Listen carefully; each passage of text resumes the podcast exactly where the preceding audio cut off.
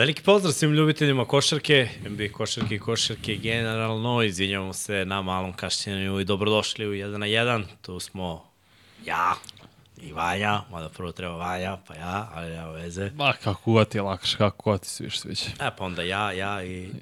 Samo Me, ja. myself and I. A, kako bi rekao Terrell Owens, me love, me sam me.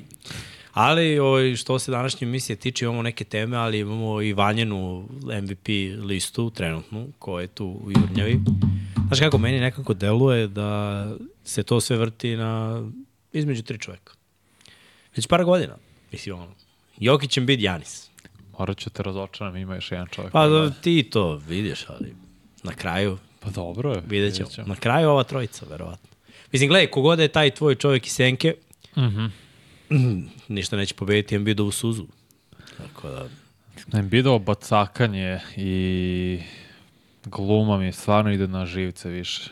Ovo protiv Vučevića kad je bilo protiv Čikaga, kad su izgubili na kraju, kako se čovjek bacio za stvarno za Oscara, nevjerojatno, nikad nisam u životu vidio tolikog čovjeka da na taj način se bacaka na pod čovjek koji ima ozbiljnu istoriju povreda, da tako žrtvuje svoje telo da bi prodao faul i dobije taj faul, to mi je zaista fascinantno i neverovatno što NBA dopušta i u što se NBA generalno pretvorio da mi sada pričamo o tome kako je NBA neozbiljna liga, da se ne igra odbrana što se ne igra. To je jasno kao dan čim i on timovi sve češće i češće ubacuju 150 poena, ne, ne, ne, ne 130, to je već prevaziđeno, sad je 150 gornja granica, što je katastrofa. dosta puta ove godine je bilo 150. Dosta je bilo i protiv Pacersa koji odbranu ne da ne igra, nego su najgora možda odbrana ikada. Jako su u play-offu i napadu igraju i možda čak i mrvicu bolje, ali odbrano ono je... Pa čekaj, oni su tri puta ove godine primili 150. Pa minimalno, možda čak i četvrti put. Ne znam da li je ovo protiv Clippersa bilo treći ili četvrti put. Jednom je da se bilo protiv Atlante, jednom je bilo protiv Bostona i mislim da je sada treći. Milwaukee je, mislim, je li da Milwaukee ili Mi- Milwaukee dao 140 i nešto? Evo sad ću krenuti sa istraživanjem. A dok ja krećem sa istraživanjem, Zamislite to. da vas pozdravim, nadam se da ste dobri, jesu sitni sati, ali napolje hladno. Realno gledano, najbolje da se utoplite i da slušate ovde jedan na jedan, ovaj naš neodbiljni momak, ton, molim te. Veliki pozdrav za, za Srkija, veliko kao strastveni partizanovac, verovatno se oduševio na, na ovo dana što se desilo. Ne voliš futbol, a? Ne volim. Samo američki futbol. ne volim to vređanje i to naš kao Ko te vređa, ja ti Nismo čestitam rekli vređanje. Partizan pobedio. dobili smo zvezdu, to je lepo, ali lepše što smo dobili Valenciju, sutra na Reala. Evo, su, Srki je, se raduje Valenciji i Real. On to Real Madrid. Što bi rekao Bill Beliček, jel? A to što ti Green Bay gubi, šta ćemo za to? A, Aha, to je već-. Ćutimo, a To je već nebitna stvar. Nije, nije, čekaj da pozovem ljude, koliko imamo subscribera? Smo na bar 44.200. 2300. 300? Pff, ništa. Ajde da poguramo to malo do kraja ove nedelje da bude 45.000. Michael Jordan kada se vratio 45-ica, realno bilo bi u redu. A svakako, ako niste do sada se subscribe-ovali, uradite to. Ako niste lajkovali ovaj video, slobodno i to malo zavrtimo algoritam, malo da, da, da pojačamo priču i opet kažem, čekirajte naš shop. Vanja nosi 99 yardi zeleni duks. Podržite ekipu kao Patreon i ako želite ili budete članovi, Ko je ovo zelena? Ovo nije ni Packers. to je zeleno. Nije ni Jets. To ti je kad kažeš zelena, to je zelena. Da. Muška zelena, pošto vi samo znamo. zelena. Prava zelena, trava zelena. Trava Prolećna zelena, trava jeste, da. Trava zelena. Da. A, čekaj, ja moram da istražujem ovde. Vanja, Ajde. Srki, daj nam prvu temu, pa Vanja otvori. S. Pa, aj, sa čim si ti misli, Srki, da otvorimo? Imaš nešto na umu? Pa. Posle, Pa, posle. pa, može da A postavimo. brzo ćemo kroz teme, tumbe bumbe. Tumber bumbe. Ajde, šta je tema broj 1? Prošla je četvrtina NBA sezone, koji su glavni utisci i teme. Pa, pazi, svako ko je glavni utisak na igranju odbrane. Ajde da krenemo od toga da je prosto nevjerojatno koliko bez ikakvog uh, napora timovi postižu toliki broj poena. Da jedni Baxi postižu u proseku skoro 120 poena, s druge strane Pacers ti postižu 127 poena, primaju 127,4 poena postižu, primaju 127 ravno, što je absurdno. Hawksi postižu isto skoro 123 poena po meču, što je neverovatno. Thunder i 120. Tako, mislim da nijedna ekipa, sam da mi da li ima jedna ekipa koja beleži ispod 105 poena po meču, Memphis beleži 106, ali to će da se podigne kad, jer se Ja Morant vratio i očekujem da će to skočiti na nekih 114-15. Ovo ostalo, znači... Misliš da će Ja samo da nastavi tamo gde je stao? Pa hoće, pričat ćemo o tome. Gledam samo jedna, dve, uh, dve, tri, četiri. Četiri ekipe beleže ove godine ispod 110 poena po meču. Samo. Od 30 ekipa, što je absurdno i prosto neverovatno kako se ne igra odbrane. Nije bila ova priča pre, ajde da kažemo, 7 do 8 godina, uopšte se nije NBA smatrao tako. Bilo su ono naznake da ide u ka tom smeru, da se odbrane ne igra, da se regularni deo se ne svata to ozbiljno, ali to nije bilo priča pre 7-8 godina, to je trend u poslednjih 6 godina da je tako, zašto je to ne znam.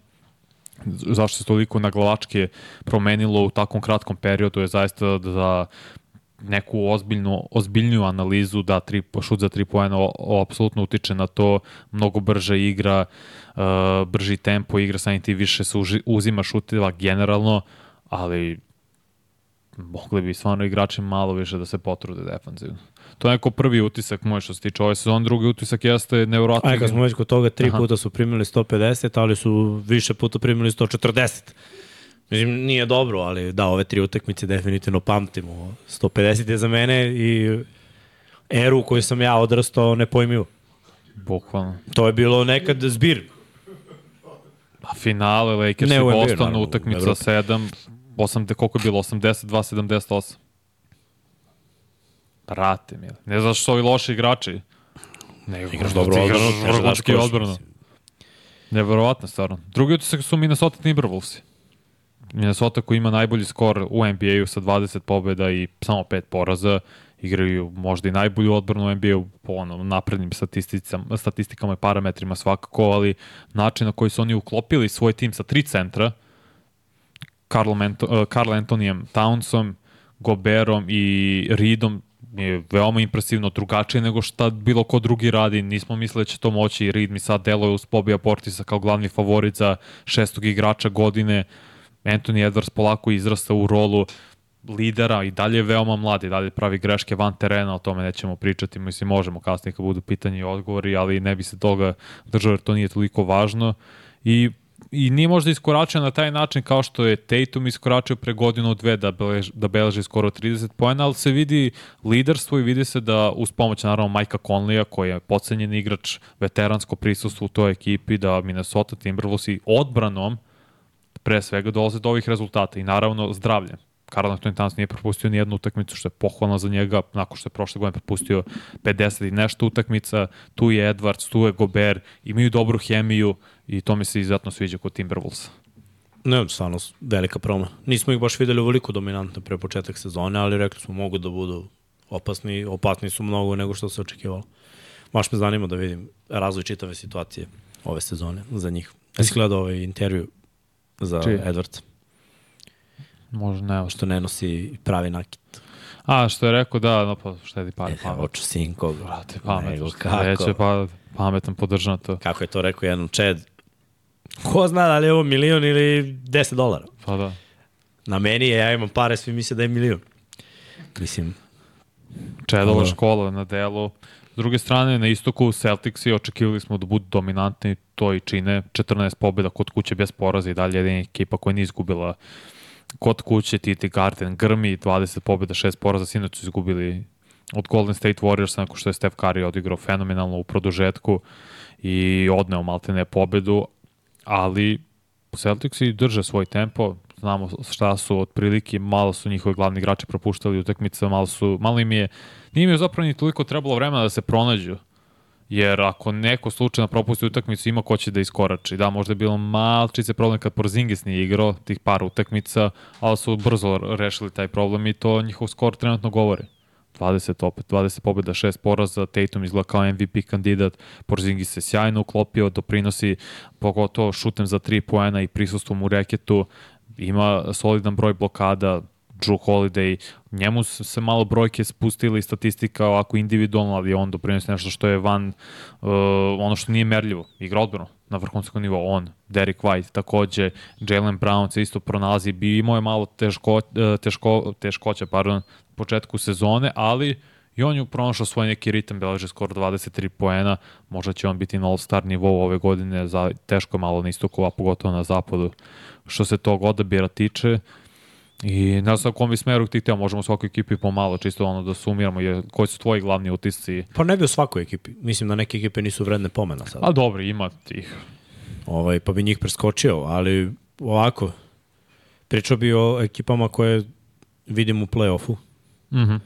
i usponima i padovima u igri tih ekipa. Je, rekao si Boston, uh, pričao si Milwaukee koliko poena daju, eto šta ti donese Damian Lillard u kombinaciji sa Janisom, ali ima tu još dosta prostora za napredak. Mislim, oni su tek ušli u, u seriju i opet kad govorimo o ekipama koje imaju 20 pobjeda, nema ih mnogo u ligi, tri ekipe. Baxi su jedna od te tri ekipe i mi smo videli Boston i Milwaukee na vrhu. Boston i Milwaukee su na vrhu i bit će na vrhu i pitanje je ko će to biti 1-2 do kraja jer će zavisiti od mnogo toga. Povreda, uspona padova, ozbiljnog shvatanja, rasporeda, utakmica itd. Da. Ali definitivno ove dve ekipe bi mogli da gledamo u finalu. Jer nekako i, i dalje u neke ekipe ne verujem u play-offu. Fila igra dobro, imaju 18 pobjeda, ali o sve je u redu dok se ne dođe do, do play-offa. Što se Fila tiče, Maxi sve više i više u mojim očima ide u pravcu da, da bude zvezda. Da bude velika zvezda. Ne da bude samo zvezda, jer on to verovatno već jeste. Ako gledamo ono tvoje rangiranje. Mm -hmm. ali ide u pravcu da, da bude ono zbog Embida druga zvezda u timu, u nekim timovima ako bude napredovao i došao do onoga što ja mislim da je moguće, bio bi prva zvezda u ekipi. Uh, unapredio je svaki aspekt svoje igre. Njegova brzina je nešto što ga čini unikatnim u, u NFL. Pritom, U NBA. U NBA. I pritom momak trči kod da je u NFL. To teo da kažem. Leti, brat. Najviše pretrčio svih igrača u, u ligi. Po utakmici. To je ono, tri milje Da, da, po nevjerovatno. utakmici. Znači, svuda je. Tranzicija je tu. Pritom, stvarno, kad vidiš kako spusti rame, kako se zaleti. Trči u tranziciji, trči u napadu, trči u odbrani, radi sve. Pogledaš Hardena i njega, čoveče, plus i minus. Ono. Ne, neverovatna razlika između ta dva igrača. I pohvalno za Filu da možda budeš uspešan sa Embiidom i takva dva različite igrača. Jer je prethodne godine onako prepustio. Nije on tu, bi, bio je faktor, ali nije bio toliki faktor. A ove godine je baš faktor. Iskoračaju ove godine, ono što je bitno za Philadelphia i za njihovu budućnost jeste to što iskoračuje jer telo da će Embiid zbog toga ostati. Imaju uh, četiri pika prve runde na raspolaganju koje mogu da traduju, da poprave još tim, da dovedu ne nužno zvezdu, ali još nekog igrača da, koji će imati određenu rolu, koji možda može da olakša i Meksiju kada i da ovaj ne igra, da ne bude stalno da, na lopti, još jedan šuter za tri poena bi im svako dobro došao, mnogo se brže kreću, mnogo je to lepše za oko gledati. Philadelphia 76ers ove godine nema više toko izolacije, pick and roll igra samo James Harden, Embiid. Ne kažem da je to bilo loše, što više bili su najuspešniji tandem prošle godine, ali se vi, više vidi da su drugi igrači uključeni što se tiče Philadelphia, ali ti si već rekao, do play-offa i do tih ozbiljnijih ekipa, jer ti kad pogledaš sad Milwaukee, pet, pet pobjeda za redom, u svakoj utakmici postigli 125 poena ili više. Mm. To je suludo. I 8-2 imaju u posljednjih 10 kao, kao i Celtics. A, ove druge ekipe, ajde ovako, E. imamo ekipe koje mislim da neće ući u play-off i da uđu u i play-in, pardon, i brzo će izaći na istoku. Da. Evo, Detroit, Washington, Charlotte, Chicago, Kanta, nema ništa od toga. Atlanta, Toronto, borba za play-in i ništa od toga. Znači, to su dve ekipe koje će možda ući u play-in i verovatno se ništa neće desiti. Zašto? Problema brda, e, tokom čitave godine usponi padovi, ne igraju na visokom nivou. Posljednjih 10, obe ekipe imaju tri pobjede, 7 poraza. Ali različiti problemi za jedne i za Različiti, druge. za sve ekipe I, su to, I različiti totalno problemi. su u drugačijem e, pravcu. Hawksi i Raptors. Tako je, pa gledaju, jedni imaju zvezde, drugi, mislim, nemaju. Dobro, Ili mislim da nisu je- toliko svetle zvezde. Ja mislim da je Scottie Barnes iskoračio ove godine. A jeste, i dečko on, se znaš- baš popravio. Stvarno i- igra na all-star nivou. Nikad njega nećeš moći da uporediš sa, sa Youngom. Koji je zvezda. Ali... Zato, zato kažem, drugačiji smerovi, jer oni Tako imaju su, zvezdu, all-star igrača, Younga, prepoznatljivo lice u NBA-u i opet nema uspeha. Da, dru, drugačiji su smerovi, ali moraju obe ekipe da promene dosta toga za sledeću godinu, ako žele neki bolji uspeh, jer ovako ne ide to. Pa onda dolazimo ovako, Brooklyn, Indiana, Miami, Cleveland, New York. Sve bih stavio u isti koš. Svako, je, svako ima drugačiji problem. Svako ima drugačiji problem. Aj krenemo od Majamija. Aj. Ne znam, nešto svake godine, evo prošle godine, kao da li su povrede, da li su promene, da li ne shvate ozbiljno, ali moj utisak je mogu mnogo bolje od ovoga što vidim. To je njihov problem.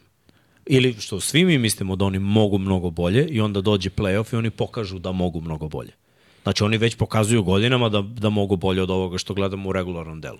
Kao što je Fila vrhunska ekipa u regularnom delu pa ih nema u play-offu, Miami je vrhunska ekipa u play-offu, a nema ih u regularnom delu. Dobro, ali to je jedan razlog zašto ih nema jeste povrede. Hero propustio stoji. 18 utakmica, Jimmy propustio 4, Adebayo propustio 10, na primer. Hoke se pronašao sjajno kao Novalija. Vidi se da je pravi igrač za Miami. Ali kad su bili tu svi, nekako je nešto falilo. Ok, otišli su igrači, ne. izgubili su, promenili su, tražili su nešto novo. Ni, nisu se pronašli skroz. Opet imaju pozitivan skor i ući će u playoff, nego samo kažem, njihov problem je totalno drugačiji od svih drugih ekipa. Idemo dalje. Indiana, ne igra odbranu. Imaju 13-12 i Pa, kao što smo rekli već, 140 plus poena primaju Na dobar dan. bukvalno na dobar dan. Od kad je bilo finale, mislim da su odigrali šta pet utakmica ili četiri, izgubili su 3-4 utakmice od tih 4-5. Ne mogu da li je tačan broj 4 odigranih utakmica ili 5, ali su izgubili, pobedili samo jednu u tom momentu od finala NBA kupa. Ok, znači vidiš da im ipak da su igrali mnogo bolje jer im je stalo više do tog kupa, možda zbog novčanog, šta god da je sumnjam stvarno Da, namestilo se, znaš. I dobili su Jest. neke protivnike. Mogli su i da završe ranije, naleteli su na par dobrih ekipa. Mislim, dobili Boston. Dobro, stvar. bili i Milwaukee takođe. Da, nije mala stvar. Ne, ne, nije uopšte, nego vidiš pad očigledan forme nakon toga. A to što ne igra odbranu, to nije popravljivo. Pa to ti kažem. To je njihov najveći problem po meni. A, Brooklyn, nedefinisano.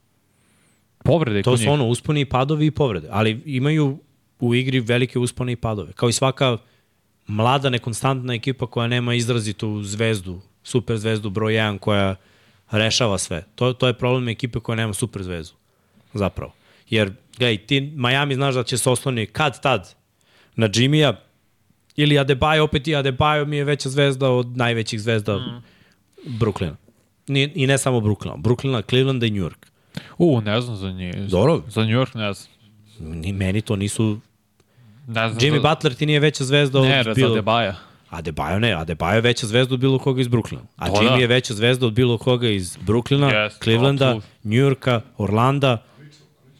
Pa, to, pa Mitchell nije, brate, vi, Mitchell je vrhunski Sad ćemo igrač. doći do Clevelanda, playmaker. ne, i do tvog, or, do tvog ortaka, nema brineš. Da. Ali, znaš, na Jimmy znam da mogu da se oslonim. Na, I defanzivno na pre svega. I Mitchell je limitiran jer ne igra odbranu. A ima sve predispozicije da igra odbranu, makar na nivou koji je igrao Dwayne Wade tih nekoliko godina kad je bio u defanzivnim Utah petorkama. je imala super tim. Imala je način da igra drugačiju košarku, jer su imali čoveka koji će da uspori, Inglesa. Mm. -hmm. Imali su Conleya, koji je radio dobre stvari. Imali su...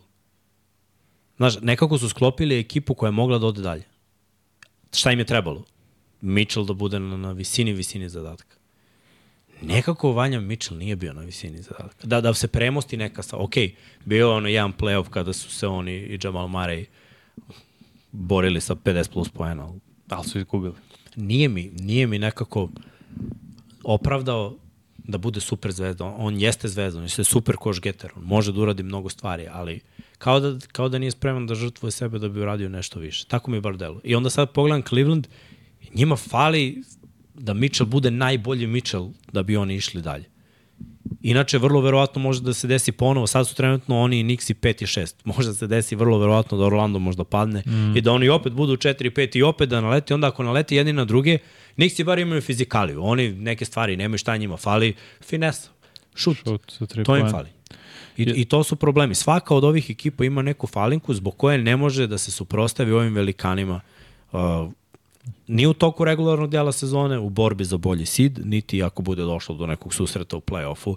Jer ja stvarno ne znam šta treba ove ekipe da urade, da dobiju četiri protiv Milwaukee i Bostona. To je sada science fiction. U ovom momentu to je Meni zaista tako da, science sezona- fiction. mi je pokazala neke lepe stvari. Orlando mi je najpozitivnija priča, jer ovo je za mene potpuno iznenađenje. Njihovi 16 pobjeda i to što su broj 4. Tako da njima fali mnogo toga, ali generalno od onog što im je falilo prošle godine, oni su izvukli maksimum i oni su ostavili najpozitivniji utisak. I Toronto, pošto je u rebuildu, pa su top 10, neko, ali da. ovo je top 4, mislim. Ti si ispred ekipa koja je pretenduju na playoff. Nixi su bili u playoffu, Cavaliersi u playoffu, Miami bio u finalu. Pacers je ok, mlada ekipa, očekivanja velika, samo malo bolji effort. To, to ja uvek tražim u svakom sportu. Kad gledam sport i vidim da je termin košarka, na primjer, to me nervira. Želim da vidim bar malo zalaganja. A to je, nažalost, današnje base skoro uglavnom jeste termin košarka. Evo, prvo kratko, necimo ti si ubon posred srede, nemaju definisanog lidera. Možda će to biti na kraju godine Bridges, ali opet ima i previše povreda i Ben Simmons i Cam Johnson je propuštao utakmice, Cam Thomas takođe, Claxton takođe, znaš, to sve problemi, ali opet niko od njih nije sjajan igrač, to sve vrlo zahvalni, vrlo dobri igrači, solidni uglavnom, ali niko njih nikad za sada nije iskoračio da bude all-star igrač za početak. Telo je da će to Bridges nevran i da će to biti ove godine, da što ima i igrača na istoku koji su zaslužili pre njega, ali dobro, to o tom potom što se tiče Majamija, on će provaliti stvari na kraju godine. To je njihova priča, to je standardno. Vrlo verovatno, da. Cavaliersi, evo Srki o tvojem, o tvom ortaku, Cavaliersi imaju još veće probleme sa povredama nego što ima Brooklyn. Propustit će skoro dva meseca sada, pošto se operisao i Garland i Mobley takođe. Garland je slomio vilicu, Mobley ne mogu tačno šta je operisao, da li koleno i on propušta 6 do 8 nedelja. To su ogromni problemi.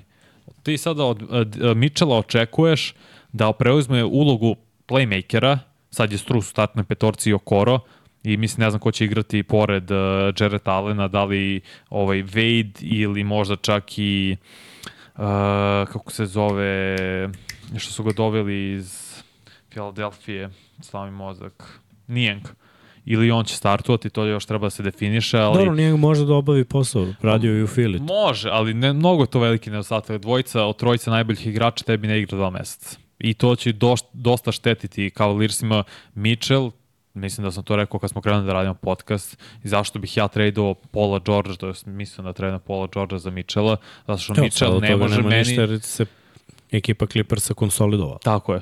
Mitchell meni ne može da bude najbolji igrač na šampionskoj ekipi, jer nije na tom nivou. Videli smo šta je uspeo, dolazio do druge runde s Utah, svaki godin ulazi u playoff, ali postoji taj moment gde on prosto iz nekog razloga ograničen i ne može da prevaziđe to. Možda i ima veze zato što je niži back shooter, ima 191-2, čini mi se nema više od toga, igra na takav stil košarke, ne trudi se u odbrani, a zaista ima sve predispozicije da igra vrhunski odbranu, možda što je previše opterećen u napadu, ali to nije izgovor i najbolji igrači kada su igrali jednu i drugu stranu Pitanje terena. da li je realno da bude trade ove sezone, pa za, za Cleveland bi možda bilo isplativo. Pa, ali ne znam da li će to probati, jer je ovo druga godina Mičela. Ne, ne, sve razumem, a šta dobiješ tim? Možda prerano odustaješ od toga. Jer, o, pa sledeće godine, to je i pitanje za Mičela, on sledeće godine ulazi u ugovornu godinu. A šta godinu. ćeš da uradiš ove godine? Ja, to je moje pitanje za tebe. Ja ćeš da ti kažem ja, Nije. što znam, možda prođeš prvu rundu. Ne znam da ćeš uspeti Zavisi da budeš. koje mesto budeš bio. Tako je. Prošle godine su bili četvrti, Nixi su bili Tako peti. Je prednost domaćeg terena džaba. Tu su završili playoff. Vrlo verovatno ove godine sličan scenarij. Šta ako se Mobley i Garland vrate tek nakon All-Star?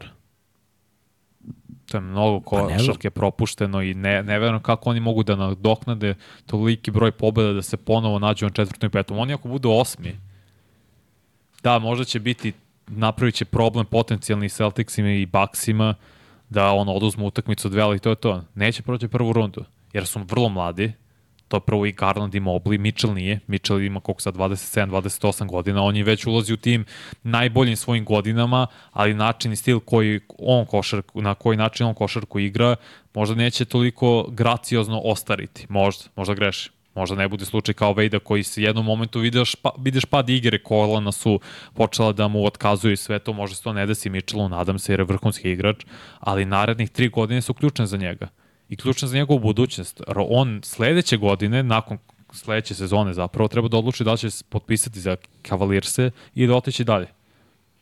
Ja bih napravio tu jedan potez i odustao od ove sezone. Jer opet, kažem, zavisi u stvari šta želiš. Skoro su bili Cavaliersi prvaci, mislim, nije toliko davno. Za Pa neke franšize to je, pa 2006. za neke franšize to je juče.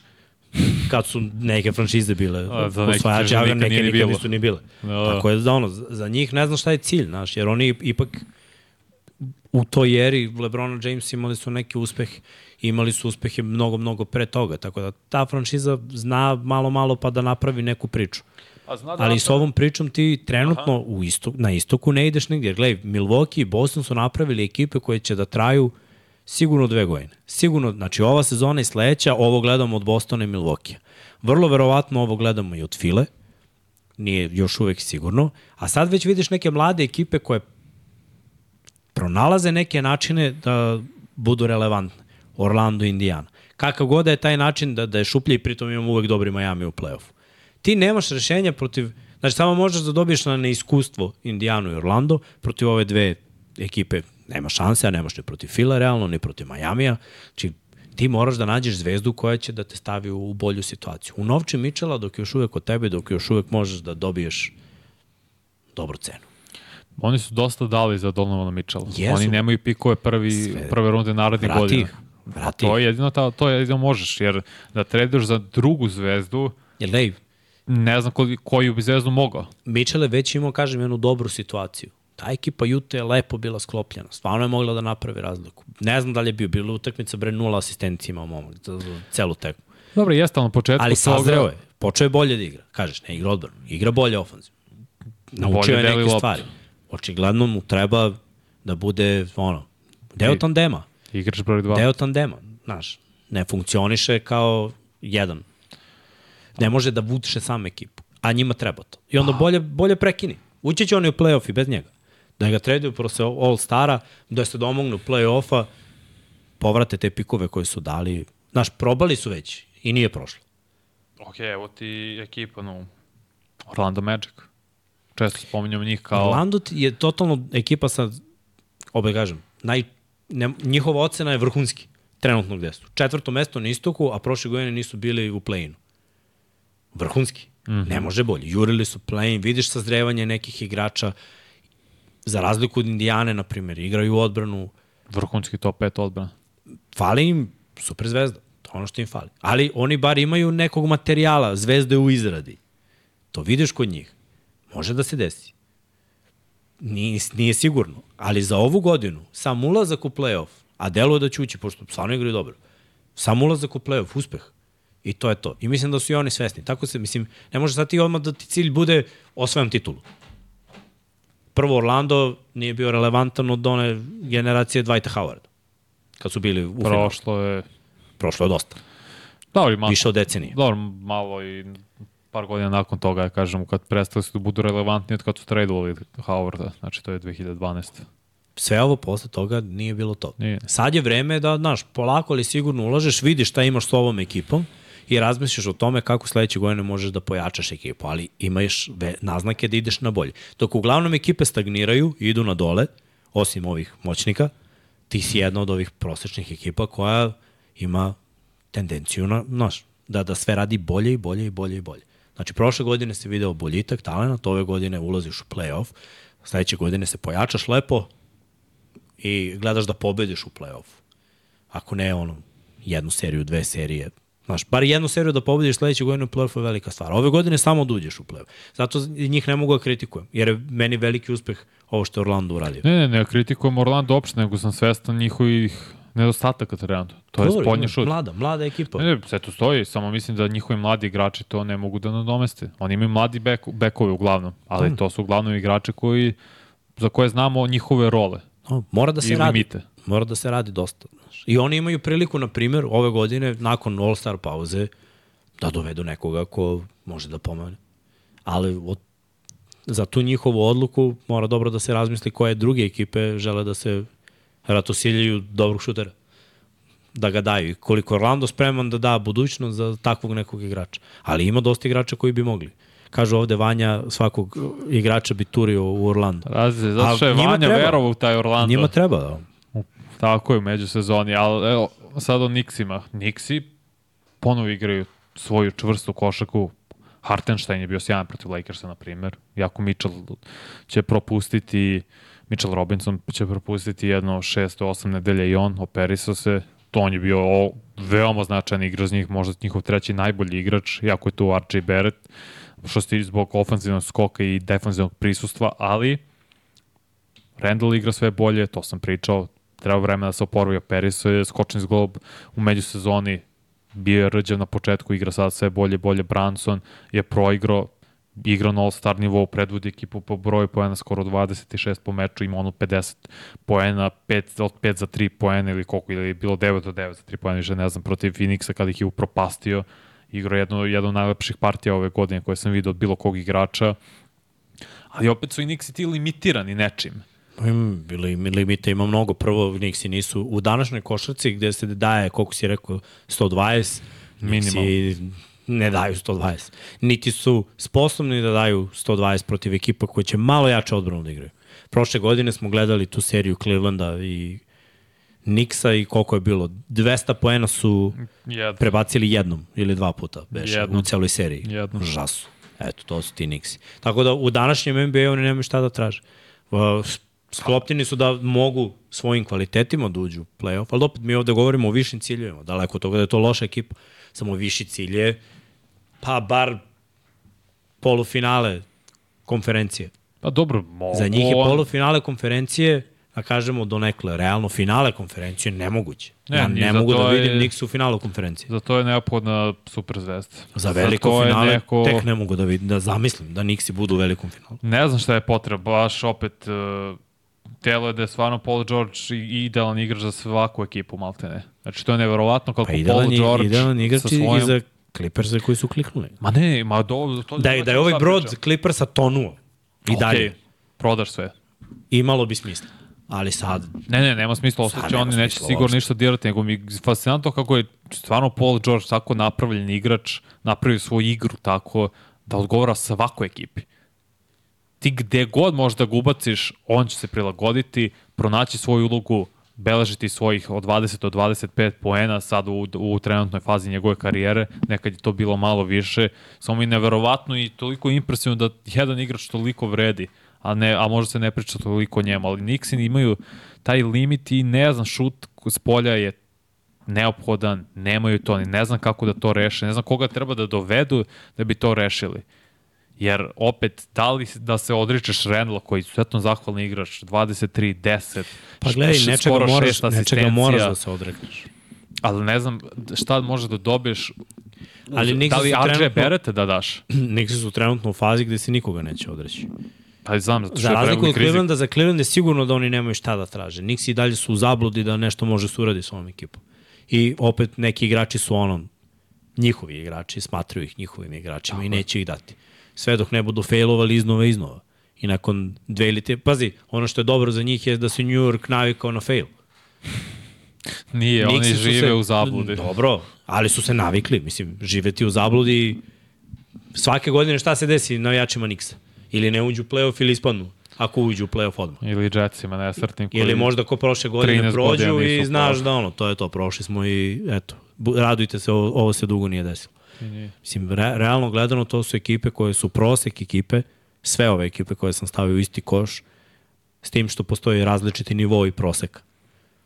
Neki ono su na vrhu proseka, neki su na sredini, neki su dole na dnu, ali ne očekujem apsolutno ništa od njih do kraja sezone. Jer za sada sve ono što sam video, mali uzorak naravno, mora nešto drastično da se promeni, ali sve vrišti promena, treba nam hitno To trade, nije promena, to pomali nešto. uzorak, mislim, to od, ne, od Pa n- 25 do 28 odigranih utekma. Da utakmica. kažemo da je trećina sezone. Mislim, nije ni polovina. Nije. Zato kaže mali uzorak, zato što još uvek može mnogo toga da se promeni. Naročito za ove ekipe što kaže što su bile pod povredom. Ali opet se stvara slika, vrlo jasna slika, hijerarhija ko je gde. I toga moramo da budemo svesni. A na zapadu je malo, malo drugačija priča. Slična, ali malo drugačija. Na zapadu Zašto? je. Isto imamo ekipe koje možemo da otpišemo. Ajde. San Antonio, Portland, Memphis, Utah. I Memphis ću da otpišem. Zašto? Zašto ne verujem da će Ja odjednom da dođe u ekipu posle toliko meseci neigranja košarke i šta oni sad imaju 7 pobjeda i imaće na kraju koliko, 50. Daće, ne, ne, ne, ne. Će imati 50, to je malo solud.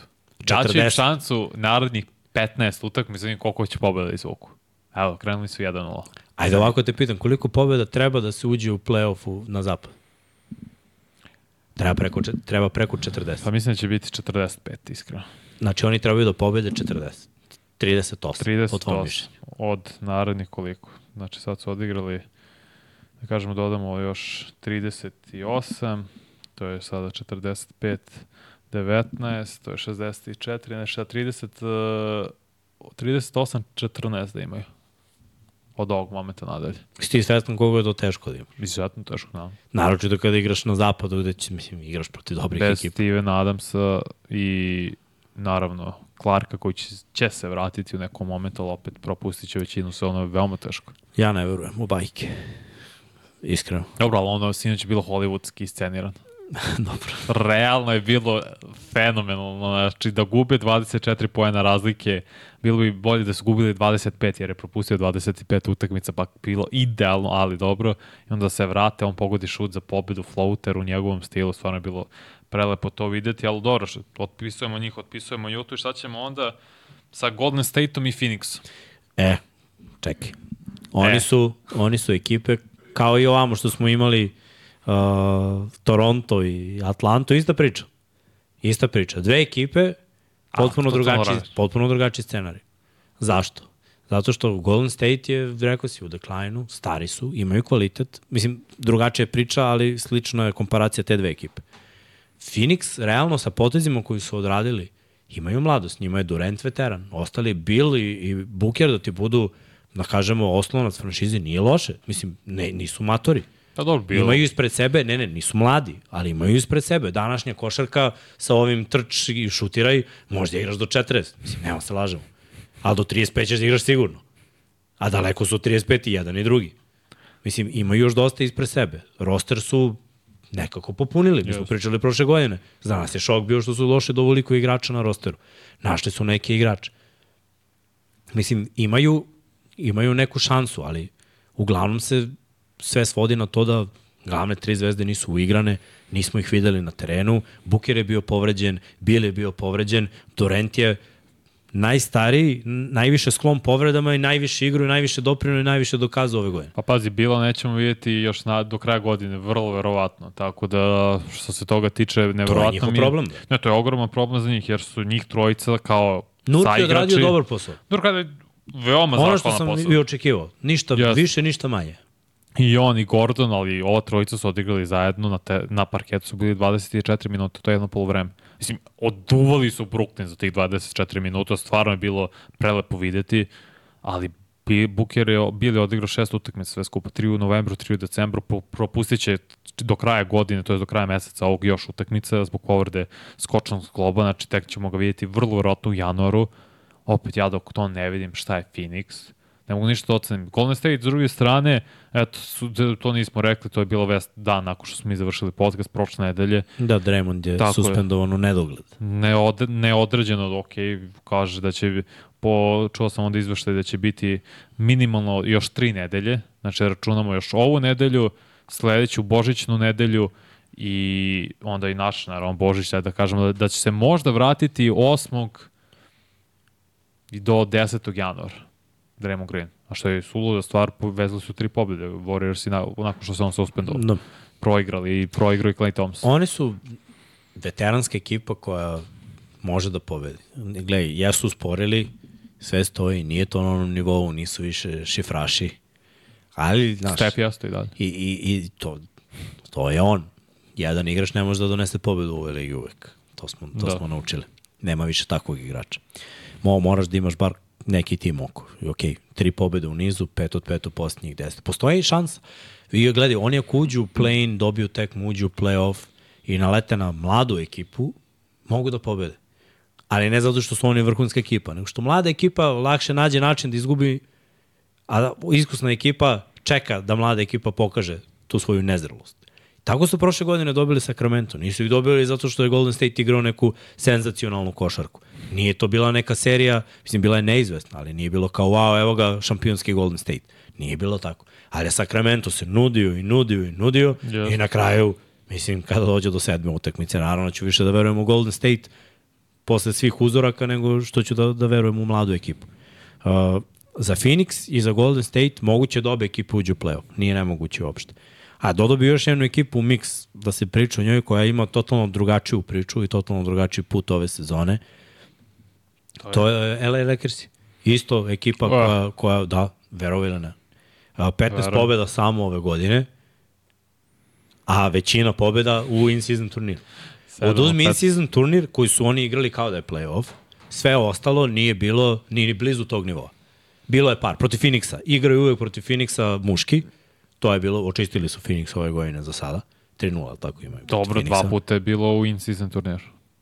Dva puta je bilo in-season turnir. Devet- Znači, i oni taj in-season turnir tako je popravio mnogima utisak u Lakersima. Oni bez tog NBA kupa imaju 9-12. To ti kažem. Zato ih stavljam u sličnu priču. Zato što mnogo toga fali. Zato što smo tu u in-season turniru vidjeli Lebrona koji je, ne znam, 29 godina star, tako je igrao. Antonija Davisa koji je vukao, nosio, skakao, davao koševe, radio svašta. Ostatak ekipe je bio ultra motivisan. Da li je Kinta šta god daje. Mislim, ja da sam Lebron ponudio bi im još pola milke, svima iz svog džepa, da igraju ovako stalno. Mislim, za njega šta je to? Ništa. Dobro, 11 puta pola, 5,5 miliona. Brate, Moraš i, moraš i trenerima, pošto su i oni dobili, znači Brate. to je još 10, to je 5, znači 10,5 miliona. Mnogo, brate, za Lebrona, brate. Nije blesav i on, brate. Šta te, treba da ih on motiviše. Mislim, ja imam problem što je Lebron, pa ako u- juri veličinu, a ne, ali ne juri motiviše- Lebron više veličina. Što To su juri zato, što gledam utakmice da Lakers se gube po 15-20 poena i on je i dalje u igri i uh, pumpa svoju statistiku. Pa to je... To juri to je- brojke, ne juri veličinu. Brate, Ali znaš odmori, kako, mator juri, si. znaš kako se juri veličina? Da. Brojke se jure poenima, a veličina se juri šampionatima. Znači, ako želi da bude u konverzaciji, a mislim već u konverzaciji, ako želi da bude broj 1, mora da bude više puta šampion. Što znači da mora ekipa da mu pomogne. A ekipa ne, ne radi toliko dobrih stvari ove godine. Pa znam, ali on je... Niti imaju, ali imaju, gle, imaju materijal, ali su svi nekonstantni. Lakersi nemaju konstantu ove godine. Nemaju, Lebron Mo- i AD su konstante, ali opet Lebron je birao ovu ekipu. Lebron, kada gube 20-25, može da bude na klupi, da pusti drugi da igraju. Ne mora on da bude u igri. Šta, šta će on da promeni sa svojih 38 godina? Neće ništa promeni, ako će nabiti svoj, sebi brojke. Dobro, neka nabija, meni to ne smeta uopšte. Meni Kad već ne igraš 40 godina, neka nabija statistiku koliko Meni mu to volja. baš smeta zato što je to glupost. Brate, daj onda, pusti njih da igraju, ove kojima ne ide, koji nisu konstantni, da uđu u neki ritam, da uhvate formu neku, nek uh, Austin Reeves i tako dalje i tako bliže. DeAngelo Russell pre svega, Prince takođe bio loš u poslednje vreme, loše šutira iz igre i Cam Reddish. Pusti njih u igru. Da, vidim, da vidimo šta oni rade bez tebe na terenu, da ne zavise toliko od tebe, ti si sjajan, to je sve, ne, uopšte to niko ne, ne spori, ali nemoj da juriš brojke jebote, pardon, na 25 poena razlike, čovjek ostaje u igri, Em što gubio San Antonio, to mi je još ne, neverovatnije stvar, San Antonio izgubio koliko, 18 pre toga pobedili Lakers-e, to je tek no, nenormalno. Četiri pobedi imaju u sezoni. Neverovatno. On ostaje u igri i juri brojke. Brate, ako imaš 38 godina, ako si se žalio prošle godine na povredu, mi ne znamo i dalje šta je ta povreda bila.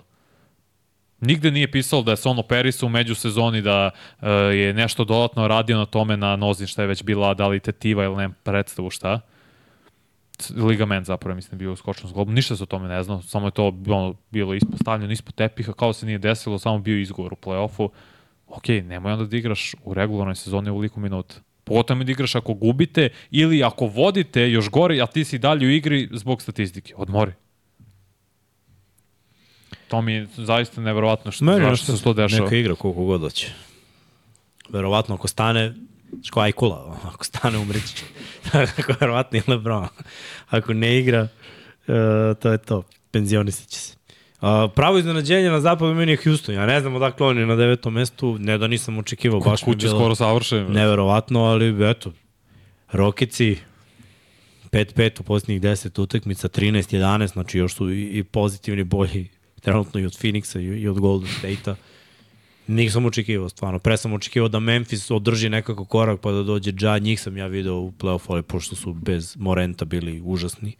To mi nije realno, ali ne znam nikoliko mi je realno da Houston ovako drži korak do...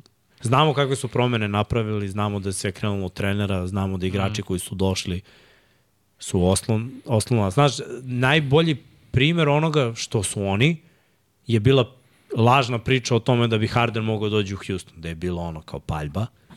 Nema ništa od toga i eto to ti pokazuje da, da su oni spremni da igraju timsku košarku i da veruju jedni u drugi. Jer s. Hardenom ne dobiješ to. Napad ide kroz Alpera Šenguna. Vrlo prosto. To je od ove godine tako. Ima najbolju svoju godinu. Da li će biti All-Star, ne, ne znam. Meni sad nije zato što je zapad krcat generalno talentom već poslednjih 20 godina, ali Šengun je toliko napravil da se vidi. Kroz njega ide napad, druga opcija je Van Vliet, treća je sad Jalen Green, možda se to njemu ne sviđa, šutira katastrofa na početku godine iz igra, ali malo se sada popravlja. Dylan Brooks radi više nego dobar posao, mal, smara druge protivničke najbolje igrače, postiže nekih 13-14 pojena, što je za njega i više nego korektno. Samo treba ovi mladi igrači sad se pronađu. Jabari Smith, Doro Thompson je bio povređen, vidjet ćemo kada će on da se vrati, ali Jabari Smith i Jalen Green moraju da se pronađu u novim ulogama. Moraju da shvate šta Judoka želi od njih, da bi oni podigli nivo svoje igre. Jer Šengun očigledno shvatio šta želi, Udo- Judoka je rekao, ok, igramo ofanzivno kroz njega, jer vidimo da može da bude nešto nalik sa Bonisu i Jokiću. Vrlo prosto jednostavno. Imamo primer kako to može da izgleda, kako ti napadi funkcionišu i klikću i vrlo su efikasni, to ćemo mi da radimo odbranu, u odbrani grizemo. I zato imaju uspeha pre svega kod kuće, da 11-1 je jedan od najboljih odnosa pobeda i poraza kod kuće u čitavom NBA ove godine. I sve pohvala. Pazi, 11-1 ima Minnesota, 11-1 ima Houston kod kuće. Mm -hmm. I sledeća ekipa koju možemo da ubacimo u tu priču. Dobro, ima ih, Denver ima 11-2. Uh, Sacramento ima 10-3 kod kuće. 10-3 imaju Lakersi kod kuće. Clippers imaju 11-3. Ali užas, vidim Memphis 1 od 11. Pa kao. Dobro, igraju sutra kod kuće, prvu utakmicu Moranta kad se vrati, to će Ajde, grmeti. ajde da vidimo. Da vidimo i to čudo. Čekaj, gde, gde svrstaš Houston onda, u koju kategoriju? U ili ono neko u svoju posebnu? kategoriju onda nepoznato. Ne, ne, znaš da ništa ne očekujemo od njih. Očekujem da uprskaju, ali ne ide u tom smeru. Ide u smeru da su tu, ono, drže se. Šta za njih može, da- ja vidim njih eventualno da oni ispadnu, a da se napravi ovo čudo što si ti rekao i dobi, dobiju 38 puta. Da.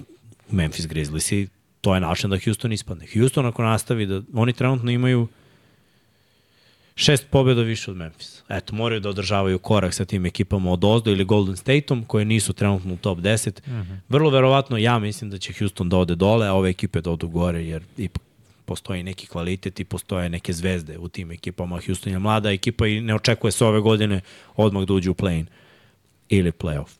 E onda i dolazimo do, do ovoga. Čudne ekipe. Ekipe s kojima ne znaš. Ajde. New Orleans Pelicansi. Ne znam. Donekle, prvo nisam verovao uopšte. Pa su krenuli da igraju dobro. Pa sam gledao ovaj in-season turnir i meni je neprihvatljivo, brate, da te Lakersi, prvo Lakersi nisu neka, igrali su turnir kao da su najbolja ekipa u ligi, ali realno nisu NBA institucija. Su pregazili New Orleans. Jesu. Po mom mišljenju, ako želiš da budeš ekipa o kojoj se priča, konkurentna ekipa, ne smeš da dozvoliš niko da te pregazi. Mislim sad, ljudi drugačije doživljavaju gaženja. 20 razliku u NBA-u je danas dobar dan. Nekad je to bilo gaženje. Danas je, nije nam išlo, odustali smo garbage time i zato je bilo 20. 30-40 razlike, to boli. Mislim, to je gaženje za današnji standard. Mm. To ne smeš da dozvoliš. I nemam pojma šta da očekujemo od njih. Nemaju ni oni neku, neke elitne šutere s polja. Nisu ekipa koja će moći da uđe u neku paljbu protiv drugih ekipa. Imaju neku silu i rešavanje, da kažemo, s polu distance, ako Zion i Ingram igraju na O, visokom nivou. Da. Ali da li je to dovoljno za veći uspeh? Mislim, trenutno je taj roster napravljen tako da oni mogu da uđu u playoff, mogu da dobiju možda jednu seriju ako im legne dobar protivnik. Ali dalje od toga mislim da oni ne mogu. Za njih je slična priča kao i za Knicks. Dobro, to je uspeh za početak. Osvoji jednu seriju. Ne, to nisi učinio do sada. Dobro, ajde, oni nisu. Njima da damo, ajde, godinu. Ajde, Razaja nije ni igrao, mislim, da se Pa, ne možemo dobro. ni jedna godina. Uspeh za Pelicans jeste da Zion odigra, ajde da kažemo, 65 do 70 utakmica, pošto već pet propustio ove godine, da bi bio da bi mogu se kvalifikuje za ove individualne nagrade, to je i da naravno uđe u playoff. Ingram igra bogovski, čovjek je sa polu distanca skoro savršen. McCallum Pron se pronalazi, bio i on povređen, Herb Jones je bio, Trey Murphy je, pardon, bio povređen takođe, tako da i oni pronalaze neki ritam. Igrali su sjajno, pa onda loše, pa sad ponovo podigli formu, pa sinoć izgubili od Memfisa na u, ko- kod kuće na poslednjem šutu, to je neprehvatljivo, ali dobro, bože moj, bilo je možda tako suđeno za Grizzlies, ne treba sad da puno razmišljaju o tome, nego da nastave dalje, da guraju.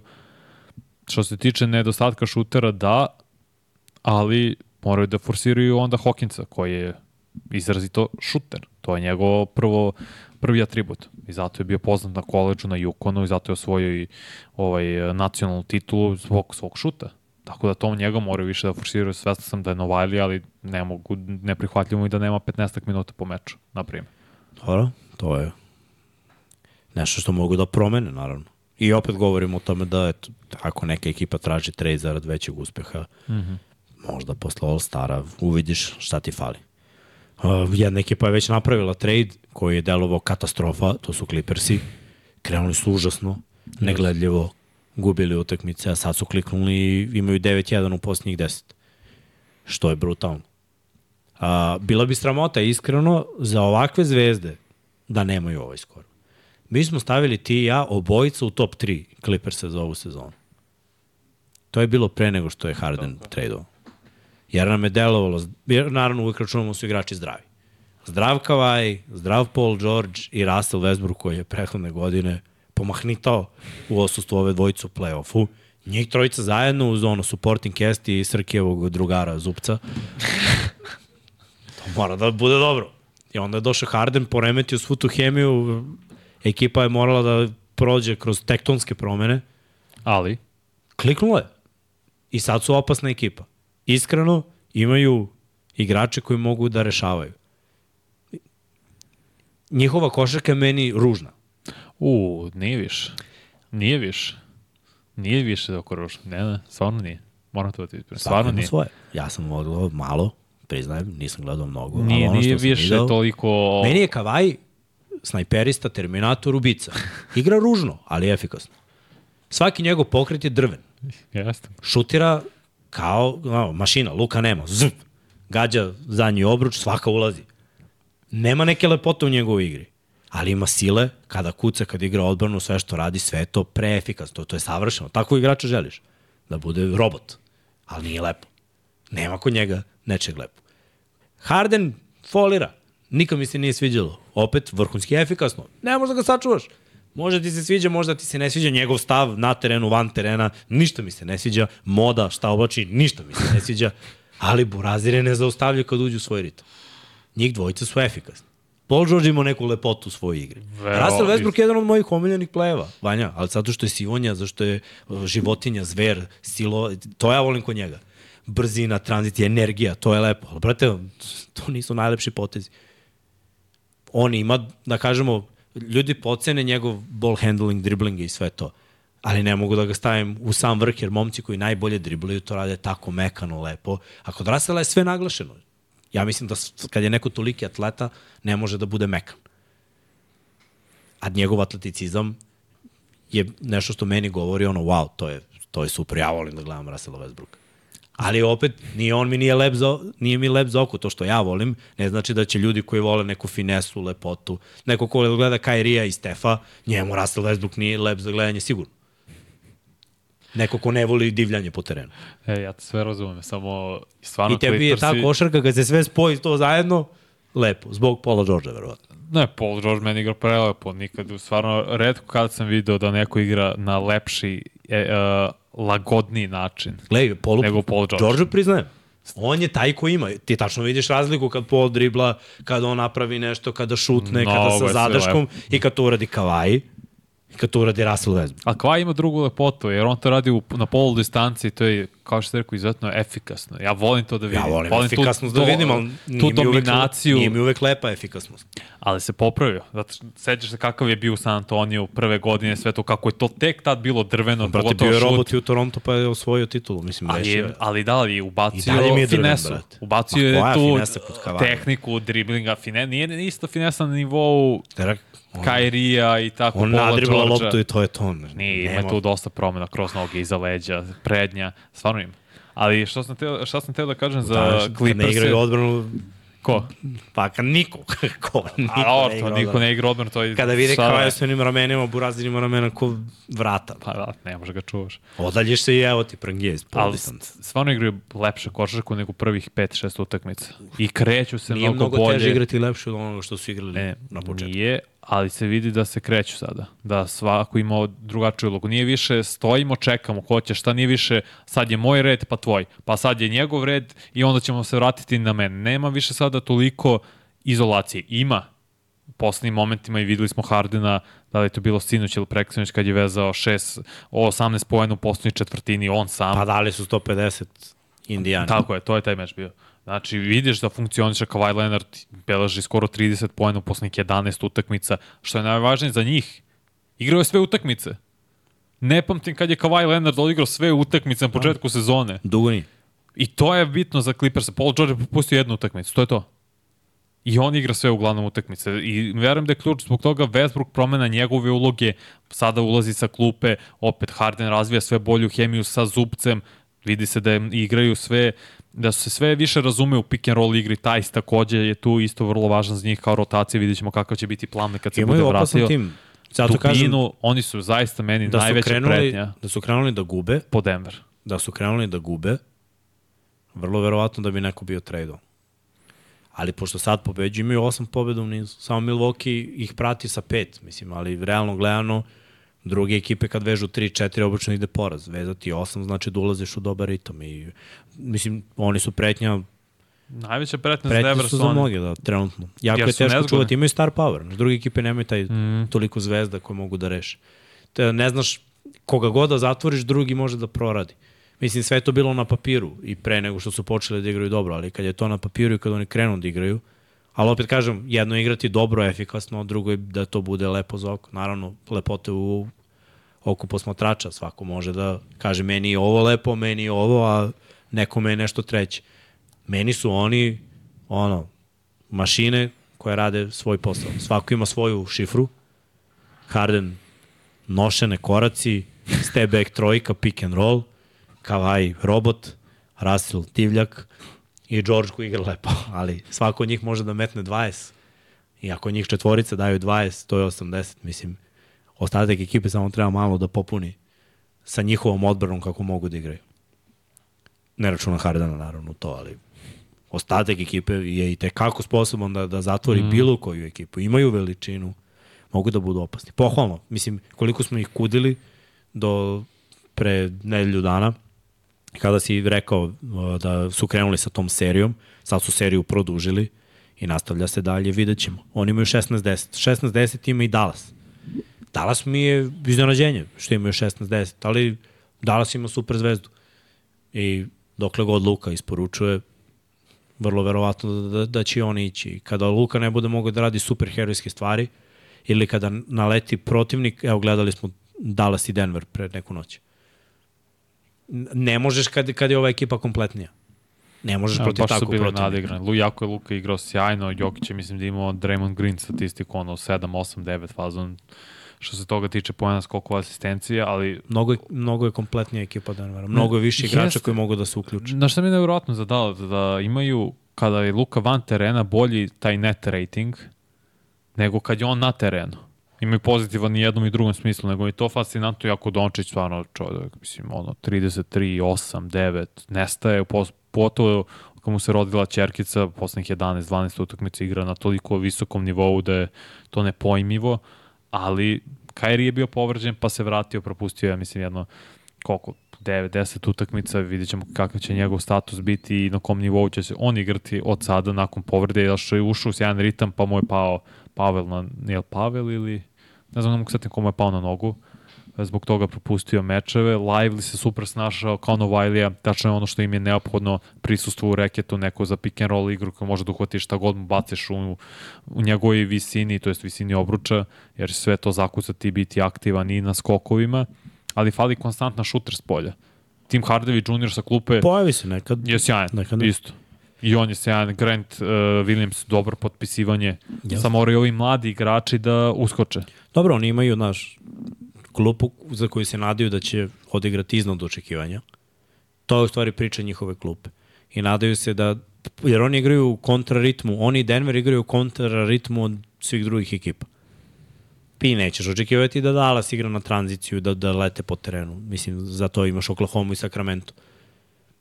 E, Nećeš očekivati, znaš, oni imaju svoje očekivanja. Luka i Kairi moraju da odrade svoje, to smo pričali, 60 do 70. Ako govorimo o play-offu, da su zdravi i da, da pobede. Ostatak ekipe mora da prati, da doprinosi i da rešavaju svoje stvari. Opet, što kažeš? Exum je krenuo da doprinosi Jeste. poprilično poslednje vreme. Jest. I davao je neke zanimljive intervjue. Si gledao Srki? Da, gleda Srki. Nego, nego. Uh, ali opet Dal- Dallas ima svoju priču, mogu da se opet nađu ono top 4-5 kao i prošle mm -hmm. godine što je bilo, ali onda su failovali, propustili playoff. Mislim, više želim da gledam Luku Dončića i, i Dallas u playoffu nego neke ove ekipe koje su ono, ni tu ni tamo. Za ovo znam, samo je problem za njih, da i dokle ide Luka, toliko ide i Dallas. Stvarno, to je jedna od ekipa koja se najviše oslanja na, na jednog čoveka. Kada pogledamo čitav zapad, mislim da, da se oni najviše oslanjaju na samo jednog čoveka. Pa onda možda Golden State na Stefa. I ono što Dallas čini je zaista za sve pohvale. Sacramento ima 16-9, Sacramento ono, mlada ekipa koja ima dosta uspona i padova u igri. E, Samo nisu konstantni, jer njihovo dobro je jako dobro, njihovo loše je jako loše, onda često idu tako. Da, i bio Dobro, povređen loše, De'Aaron dobro, Fox. loše, kad je Fox bio povređen, To je zapravo najveći problem. Možda bi imali bolji skor trenutno. ali da kada se vratio, posle povređen. nije bio klač, znaš. E, oni su igrali protiv Pelicans u ovom turniru. Jako loše mi je delovalo Da. to. Nije mi, nije mi bilo na nivou Sakramenta. Mislio sam da, da, da su oni ekipa koja može to, to da reši. Uh, Sabonis je krenuo jako ovu sezonu, pa je isto usporio. I oni malo traže taj šut. Dobro. Na nekim utekmicama, na nekim sipaju. Keegan, da Ma. Keegan Murray postao najmlađi igrač u istoriji NBA-a sa 12 postignutih trojki na jednom meču. On je zapravo ključ za dalji napredak Sakramenta ove godine. Ako Keegan Murray može da izraste u svojoj drugoj godini kao legitimna opcija broj 3 u njihovom sistemu, u njihovom napadu, onda će Sacramento biti izuzetno opasan. Jer sada beleži skoro 18 pojena, 16 moja greška, Keegan Murray, ali vidio si potencijal da možda ubaci 40, to se neće dešavati naravno svaki put. Znaš je meni najopasnije za Ali njih? svakako je impresivno jer su pronašli treću opciju. Jesu. Ali sve te opcije govore o tome da je njihova filozofija daj što više. Yes. Ne igraju odbranu. Pa nemaju, to smo pričao, nemaju. Oni daju defanzivnog- 118, primaju 117. Tako je. I, I zato je ono, ili je dobro ili je loše kod njih. To može da bude problem. I ako nalete na iskusniju ekipu u, u play-offu. Trenutno su broj 4, broj 5 je Dallas. Iako imaju, pa da kažemo, po mom mišljenju, bolji tim, Luka sam gotovo, po mom mišljenju, može da reši ovu seriju.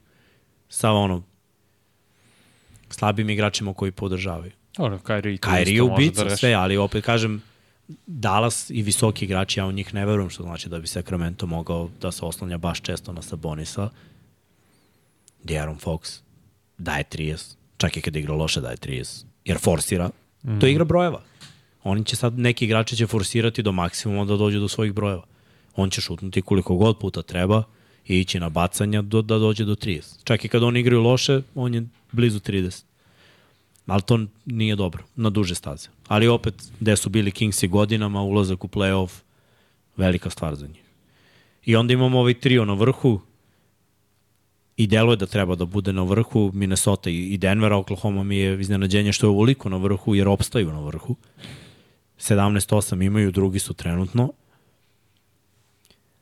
Ali ne znam, Manja, ja mislim da, da to može njima da bude dobro da uđu u playoff Misliš da nije sa održivo? visoke pozicije, nisam siguran da je održivo. Ne znam na koga će da nalete, ali to njihovo neiskustvo na kraju može, može da ih košta. Za sada sve ide savršeno. Za njih je ovo savršen scenariju. Ne mogu pričam o manama jer sam udušljen time što radi Oklahoma. I opet su drugačija ekipa. Treba da raditi ono, scouting kada igraš protiv njih, ok, možda nije to toliko u NBA zastupljeno u regularnom delu, ali kad dođe playoff i kad znaš da moraš da ih dobiješ četiri puta, Da. radiš mnogo ozbiljniji scouting. Ako budeš radio ozbiljniji scouting za ovu ekipu, mislim, moraš da ih usporiš, to je broj jedan. Da ih uvučeš u neki svoj ritam.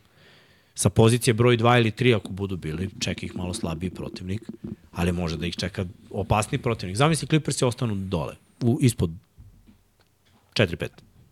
Igrom slučaju. Ne očiste sezonu do kraja. Clippers je naletao na Oklahoma. Meni Oklahoma nije favorit. Jer kogo god ovi igraju ružno, efikasni su. I znaće da zatvore neke stvari. Ti Šaja voliš, ja mislim da je jedan od boljih mladih igrača u ligi. On je tu zvezda broj 1. On je tu super zvezda, način na koji Ali on kao zvezda broj godine. 1 najveću utakmicu je imao sada na svetskom prvenstvu. Da, da. To je njegova najveća utakmica. Nema mnogo velikih utakmica pod nogama. To me zanima da vidim. Ali lepo je videti da imamo budućnost u jednoj ekipi. Minnesota mi je uz Denver najkompletnija ekipa, jer od Denvera znamo šta ćemo da dobijemo, ako svi budu zdravi. Za Denver je problem, mislim, Jamal Murray je dosta propustio, pa dok se vrati, pa dok uđe u formu. Jokić je malo u padu forme isto, ali opet radi stvari za ekipu. Bio je izbačen dva puta, to nikako nije dobro. Da. Pa dobro. To se nije, Jedno- nije se dešavalo. Jedno je baš bilo glupost, ali. Jeste. Mislim, ni ovo drugo nije ništa manja glupost, ali ovo jedno je bukvalno priča sa sudijom nije. Ne, pa Čak nije ni delovalo kao da mu je rekao nešto ružno. Priču. se da fal. Ali dobro, to, to su stvari koje Super Zvezda ne sme da radi. Minnesota ima tim. Spoj veterana i mladosti. Da, da. To je uvijek dobro kad imaš spoj veterana i mladosti. I Denver ima to isto. I njihov okršaj prošle godine u play-offu je bio ono pokazatelj, Denver je trenutno bolji. Ove godine je Minnesota trenutno bolje. A da li mogu da nalete jedni na drugi u finalu, to me baš zanima. Jer mislim da bi ovo bilo najbolje finale zapada trenutno. Trenutno. Mali tim može da parira Minnesota što se tiče veličine i načina na koji oni igraju. Jer opet, svi uglavnom igraju sada brže, rotiraju možda malo niže igrače, ali ovi rotiraju trojicu legitimnih centara, koji su izuzetno vešti. Ok, neću reći da je Gobert vešta, ali Reed i e, Karl Anthony Towns jesu veoma vešti. Mislim da Towns je jedini igrač trenutno u NBA-u koji šutira 50% iz igre, 40 za 3 pojena, 90 Towns slobodno ubija. bacanje. To je neverovatno. Ali znaš šta je isto za ove dve ekipe? Ove dve ekipe dominiraju kod kuće. Prošle godine u play-offu Denver je dominirao kod kuće. Ove godine imaju 11-2. Minnesota ima 11-1. Ja mislim da ako se desi da se susretnu u play-offu, na primer, vrlo je važno ko je bio gde i ko igra kod kuće. Mm -hmm. Jer to može da odluči. A za Denver je ta priča protiv mnogih ekipa. Njima mnoge ekipe mogu da ne legnu ovde na zapadu. Minnesota ima ne drugačije igra prvo. Rekao bih da da imaju veće šanse da dobiju neke ekipe nego Denver.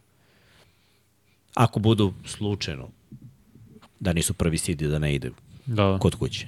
Ali iskreno ja ne znam kako će oni izgubiti ovaj prvi seed ako budu bili zdravi. Naravno, to je jako teško održati. NBA sezona je baš specifična zbog toga što ima mnogo utakmica. I nema šanse da, da svi igrači igraju sve vreme i da sve bude ono kao po loju savršeno. Ali za sada 25 i ta dominacija kod kuće jako je teško. Edwards polako izlazi u prvi plan. Denver je već prošao te probleme s povredom. Mislim, iskreno 18-10 za ekipu koja je bila bez svoje druge zvezde. I glavna zvezda je opet računali da je propustio te dve utakmice, a na druge dve utakmice šutirao katastrofa iz igre. Znači, koliko je to bilo? 18, 58 u rasponu dve utakmice, što nije super. karakteristično za Jokića. To je super skor. Da. 18 pobjeda imati super skor. I sve vreme, oni su od početka sve vreme u vrhu, kao i Minnesota. Druge ekipe imaju uspone, padove, pronalaze se, ali Denver je sve vreme tu u top 3. Što je jako dobra stvar. E sad, ja opet kažem, mene samo plaši za Denver, pošto njih najviše volim da gledam, nije neka tajna. Ako ne budu bili domaćini u play-offu, to može da bude problem. Budeš na mestu broj 3, bit ćeš domaćin u prvoj seriji, posle toga ti ništa više nije zagarantovano. Već u drugoj seriji ne mora da znači da ćeš biti. Može da bude, ali ne mora da znači. Šta misliš? Da li Denver može do mesta broj 2? Oklahoma mislim ima manje pobjeda, ali imaju manje poraza. Igrali su manje utakmice. imaju Tako, 25 8. utakmica, Da. tako, ovi su odigrali 28, tako da će Oklahoma možda imati malo teži sada raspored, malo veći broj utakmica svakako. I mislim da će doći Denver kad tada do druge pozicije. Ali sada dolazimo do toga da i ove ekipe protiv koje će igrati svi na zapadu postaju bolje. Mislim, Clippersi su bili ono ček u prvom prvih mesec dana, dva u sezoni. Više nisu. Više nisu sad, imaju 9-1. I oni imaju dve utakmice manje od Denver, mogu i oni da dođu do 18-10, na primjer. Tako je. Oni Dallas deluju kao ekipa koja može da napravi neku seriju. Od ovih drugih ekipa ne verujem nešto previše, iskreno. Ne, ja, mene najviše što se tiče Denvera plaše Clippersi, pa onda Minnesota. Jer ti kad imaš spoj vrhunskih igrača, Harden može da reši jednu utakmicu, Kawhi može da reši jednu, Paul George može da reši jednu i tu četvrtu utakmicu mogu sva trojica skupa ili Westbrook isto čak da se povampiri i da reši utakmicu i da osvoje seriju. A Kawhi je sposoban da reši više utakmica jer smo videli prošle godine kao najskoriji uzorak da je sam rešio jednu tekmu protiv Phoenixa koji je većina ljudi mislila da su bolji, prošli su na kraju zato što se ovaj povredio, ali sada imaju taj benefit Clippersi da se slučajno neko povredi, nadam se da to neće biti slučaj, želim da ih vidim zdrave, mogu na drugi igrača se oslone da bude tu Paul George, da bude tu i James Harden, da, ok, Harden će čokovati jednu, dve utakmice, ali neće imati pored sebe Embiida koji takođe čokuje u isto vreme, nego će imati Kawhi Leonarda koji uglavnom igra sve na jednom visokom nivou i konstantno. Tako je. Paul George ima momente da igra loše šutra katastrofa u play-offu, ali ima momente isto da odigra kako treba, pre svega defanzivno, reši, odradi svoj zadatak, posao, ofanzivno ti doprinese dovoljno. Ba, mnogo su teške i Clippers imaju i sjajnog trenera Tyrona Lua koji polako sklapa kockice, pronašao je ritam i sistem koji odgovara svim igračima, očigledno uz pomoć Westbrooka koji je opet izabrao da bude na klupi da bi pomogao ekipi da razvije što bolju hemiju Bravo za startnoj petorci, tako je. Znači, žrtvovao je sebe, svoje brojke zarad tima, znači da je sazreo. Da je naučio nešto. Pa sad ili nikad, mislim, ne može, neće igrati večnost. U, u On neće igrati, on nema taj, deluje mi, ne ume to graciozno da ostari, da produži svoju karijeru kao Evo, što je gledaj. mogao Chris Paul, na primjer. Malo da se doteknemo rasporeda koji čeka Clippers je Denver, Minnesota. Ajde i Oklahoma da ubacimo u priču. Sam kliknuo, jesam, ovde otvara se kao da nisam ni kliknuo. Šta čeka Denver? Ajde, pet utakmica do deset. Ajde, u prvih pet. Sve pobedive. Toronto, Brooklyn, Charlotte, Golden State, Memphis. I onda Oklahoma. Toronto, Brooklyn, Charlotte Toronto, Brooklyn, Charlotte, znači i od tri danas, gostovanja na istočnoj obali. Da, od, od danas do ponedeljka imaju četiri utakmice. To je baš puno. To je baš puno. Znači, od, šta, od 21. do... Igraju u četvrtak, subotu, nedelju i onda u ponedeljak Da, se vraćaju mnogo. kući, igraju protiv Golden. State-a, kući igraju protiv Memfisa i kući dočekuju Oklahoma. To je baš puno. To je puno, ono, za krat, znači to je maltene četiri utakmice u 5 dana. A dobro, takav život su izabrali. Šta ću Ej, želim. jesu, samo kažem. Da to je- rađe miliona za što igraju to. I mi Jesu. radimo svaki dan pa. Jesu pobedive utakmice, te četiri utakmice, ali mislim da će jedno izgubiti čisto zbog rasporeda. Jer je zahtevno igrati svaki dan. Malo Jeste. Moraju da dobiju. Mislim, lakše su protivnici. Minnesota. Full schedule. Obrati, kad bi znao samo koliko ovo sporo otvara. Znam, koristio sam. Ne mogu telefonu pratim chat. Inače, ima vas 330, 329, Prelepo, Četu? koliko lajkova. 90. Mači, nije u redu, stvarno nije u redu. Mi jurimo tu neke procente, a na kraju ćemo da budemo gori od Indijane u odbrani. Subrabira. Subrabira. Ajmo Subrabira još malo. Uh, pazi, raspravi Minnesota. Fila, Bam. četvrtak. Los Angeles, Sacramento, Oklahoma, Dallas. Los Angeles. Dobro, evo ga, streč. Mislim, gledaj, bolji su od svih ovih timova, ali treba izdržati streč. Igraju četvrtak, petak, nedelja, Gde igraju protiv File? uh, gostuju protiv File, Znači, kući protiv. Lakersa, pa gostuju Sacramento i Oklahoma. Baš će biti teško. To će pokazati zapravo koliko su kvalitetni. Embiid je preskočio prvu utakmicu protiv njih u Minnesota, pa su zato na kraju 76ers izgubili, ali dobro, igraće sigurno u Fili. To je prvi test večeras, mislim večeras sutra zapravo uveče. Da, to će biti baš zahtevno. Ja čekam da vidim kako će da prođe kroz tih četiri utakmice. Dobro.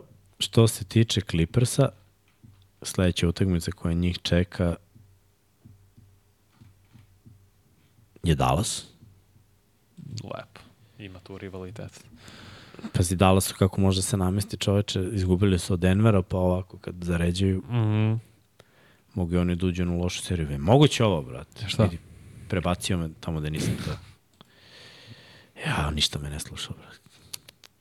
Nja, nja, nja, nja. Sačekat ćete malo učitavanje. ne znam na pamet raspored. Op, op, evo ga, op. Od sad je internet preko kabla, Srki. Uh, Dallas, Oklahoma, Boston, Charlotte, Memphis, Miami, Ne, Phoenix. Pa dobro. Ima ekipa koje mogu da ih, da ih ovaj, reše. Boston na njihovu sreću u Los Angelesu, jer Boston nije izgubio Kod kuće. u Bostonu. Ni jedno. Ove godine 14-0 imaju. Pa bit će ovde zanimljivo. Ovo će do sledeće nedelje verovatno se promeni. Biće dok do nove godine imamo ozbiljnih duela. Da, I za njihov Božić će biti ono, neki Tako je pet specijali. utakmica, da, da, to će da grmi sve. Lakersi protiv Bostona, Warriorsi protiv Denvera, između ostalog, čini mi se da Knicks igraju, mislim, protiv Miami. ali nisam Namer da napravi show. A, a pazi ovo, Oklahoma, Clippersi, Lakersi, Timberwolvesi, Knicksi, Nuggetsi, Uf, Brooklyn, Boston. bra. Njihov, Oklahoma. Tako da to drugo mesto koje drže, Mnogo teško. teško će da za- zadrže. Jer Derek Raspor nije nepobediv, ali direktni konk- oni u- od direktnih konkurenata imaju tri od sledećih šest. I još Boston kao najnezgodnija ekipa im dolazi isto u tih šest. Pardon, kao sedma. Sve. Da, nije, nije uopšte lako. Nije uopšte lako. Sjajno, gledat ćemo sjajnu košarku. da. To je najvažnije. Znači, do kraja nove godine, to za kraja ove godine, gledat ćemo mnogo zanimljivih duela. Mislim da je večeras Miami Orlando. Fenomenal.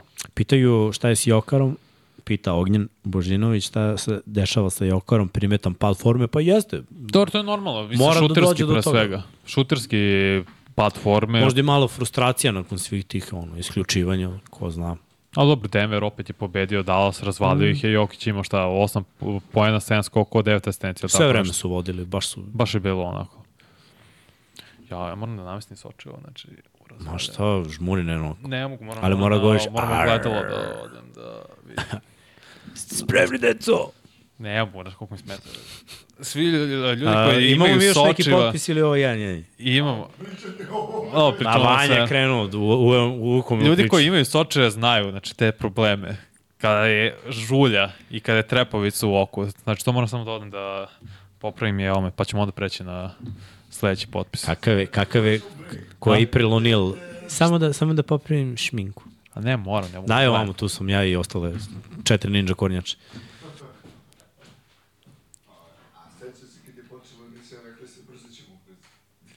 Dobro, eto, sad smo odradili ovo i to je to, ne pričamo o drugim stvarima. Vidi, već je 12 sati. Ili kako bi neko rekao, tek je 12 sati. A, je će li biti organizovano neko kolektivno gledanje utakmica za Božića? Sanja neće, zato što su se Amerikanci dosetili da za Božić puste i NFL da se igra. Tako da ovaj, mi to radimo. Ovaj, biće dve utakmice u subotu, sve u nedelju i još tri utakmice u ponedeljak. Tako da fizički nismo u mogućnosti da se kloniramo da, da bi to radili. Ali ovaj, biće, NBA će se gledati sigurno kolektivno posle, kada ovaj, nadamo se da će studio malo da se ubrza sa sređivanjem. I onda svi, Srki kaže da hoće, uzeo neke stvari u svoje ruke, a vidjeli ste Srkija velikog, znate da su to sposobne, velike i snažne ruke. Tako da ćemo, ovaj, nadam se, uskoro da gledamo to, pa možda čak i All Star Weekend, to je, to je zanimljivo. Srki voli da bude promoter. Uh, o, obični preliv, dobar. Daj mi potpis, bre. Ja ću sam da pričam i za, zaključim temu i Vanja dok se vrati, to već gotovo. Čekaj, samo ne vidim od kamere, moram na telefonu da vidim. Dža se vratio. Neko je ovde napisao koju poziciju igra Ja Moran.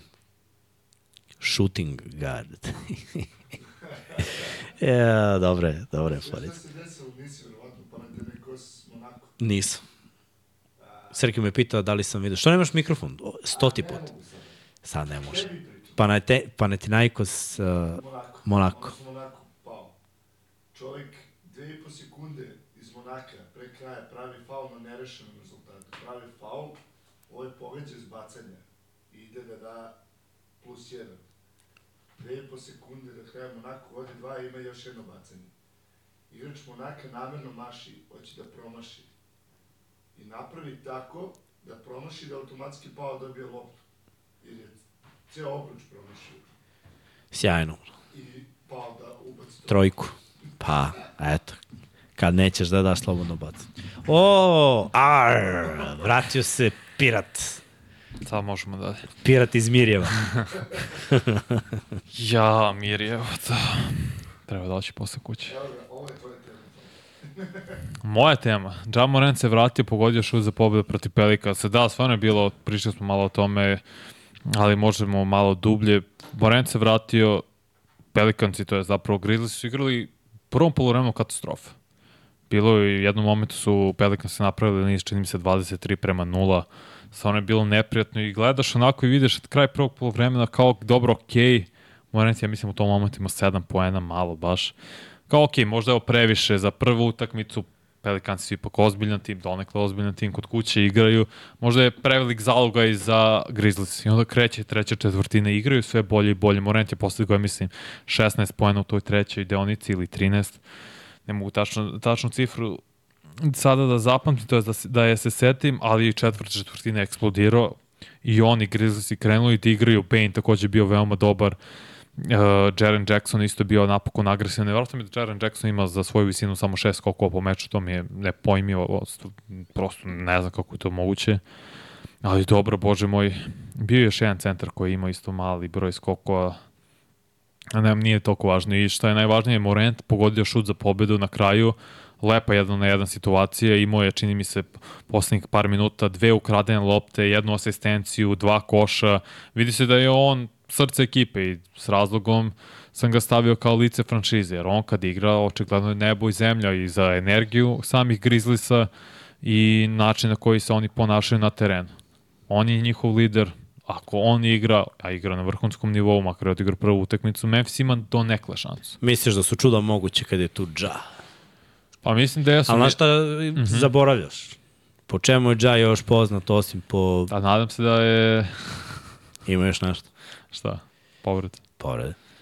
Dža propušta utakmice. Jeste. Njegov propustio. stil igre je pre, uh, zanimljiv, Mhm. lep, ali i opasan. Jed, On svake godine Jeste, ba da.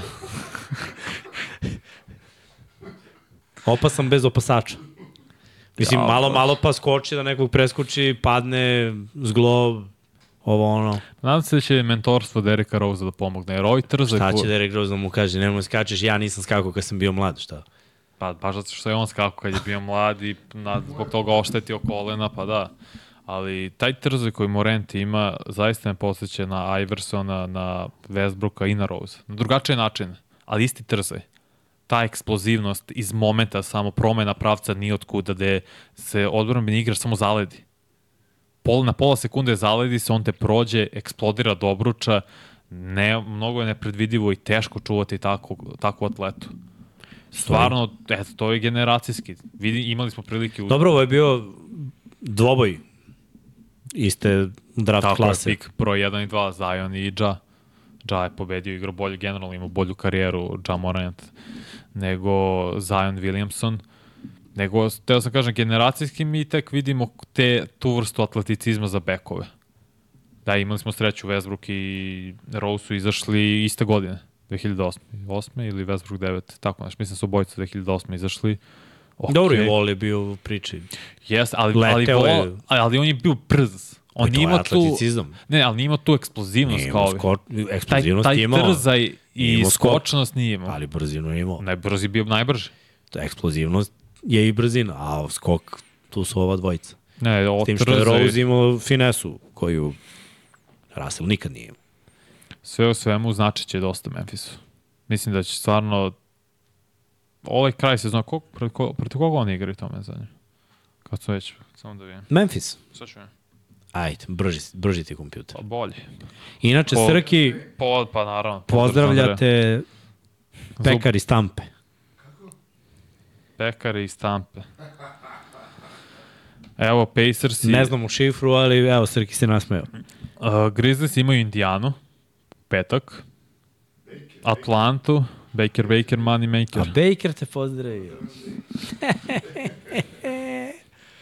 Pazi, Indiana, Atlanta, New Orleans. Zatim Denver, Clippers, pa Sacramento. Nek vežu naredne tri. Mislim, imaju pet gostovanja, to je zapravo četiri gostovanja. Atlanta, New Orleans, Denver i Clippers. Pa onda imaju tri zaredno kod kuće, pa opet tri gostovanja, pa tri kod kuće i opet onda četiri gostovanja.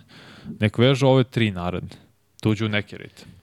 Pobedi Indijanu, pobedivo. Kako volim ove vanjine teorije kada krenu Po, pobede, prve četiri utakne. pobede Sve četiri pobede. Pa dobro, pobeda Atlanti, to je pobedivo. Dobro, naravno da je pobedio. Pelicans se Već su dobili. Pa Već su dobili, da okej. Nek bude da su da imaju 10-19 nakon te utakmice. Ne znam da li će dobiti Denver. U gostima zaista sumnjam. Da će pobediti Clippersa koji su sjajno kod kuće isto sumnjam. Teška priča. Ne verujem. Sacramento kod kuće pa i može i ne mora. Taj Sacramento ima uspone Da. i padove. Mislim da je to isto to malo teže, ali zatim San Antonio, Toronto, Lakersi. Nije teško zamisliti da pobede makar dve od te tri. Dobro, moguće. Samo 40 do kraja je, po mom mišljenju, teško. Teško. Nije neostvarivo, Nije, ali da se razumemo. teško Nije, jeste. Samo je teško. Uh, ajmo dalje. Ja se vratio, to smo rekli, eto, ispoštovali smo ga. A šta ovde piše? Draymond, to smo rekli, suspendovano neodređeno. Golden State vezao tri. Pa dobro, rekli smo o tome, mislim, pričali. Jeste. Ne moramo da se zadržamo predugo. malo ćemo toliko o ovim sve. A, samo nisam ni ja, brate, ti si kriv. O, je. A, pošteno. Pošteno. Uvatio si me, brate, da uđe da kliknemo ovde, a onda sam Da, ušao. dobro, neka smo šta i To treba je svakoj ekipi pomalo. Taj Srki 14 dalje, šta? All-Star glasanje je otvoreno koga želimo videti u Indijani. To se treba se napišemo u Indianapolisu, ali može Indijana. Dobro držao. Držao. Uh, Kolarka ajde, košarke. ajde, ajde ovako. Ajde. Iz... Ali već Šta? ima... Što je Atlanta? Pa ne, ne. E, pa James Nesmith je, je uvek je napisao i davno rekao da je Indijana kolovka košarke. Da koreni košarke zapravo potiču iz Indijana. Mislim, to su njegove reči, ja sada. Ne mogu da sporim čovjeka koji izmisli ovaj sport. Ipak... Bih, ali neću. Reci. Ko predvodi u glasanju? Tek je krenulo. Šta je krenulo juče, prekriče?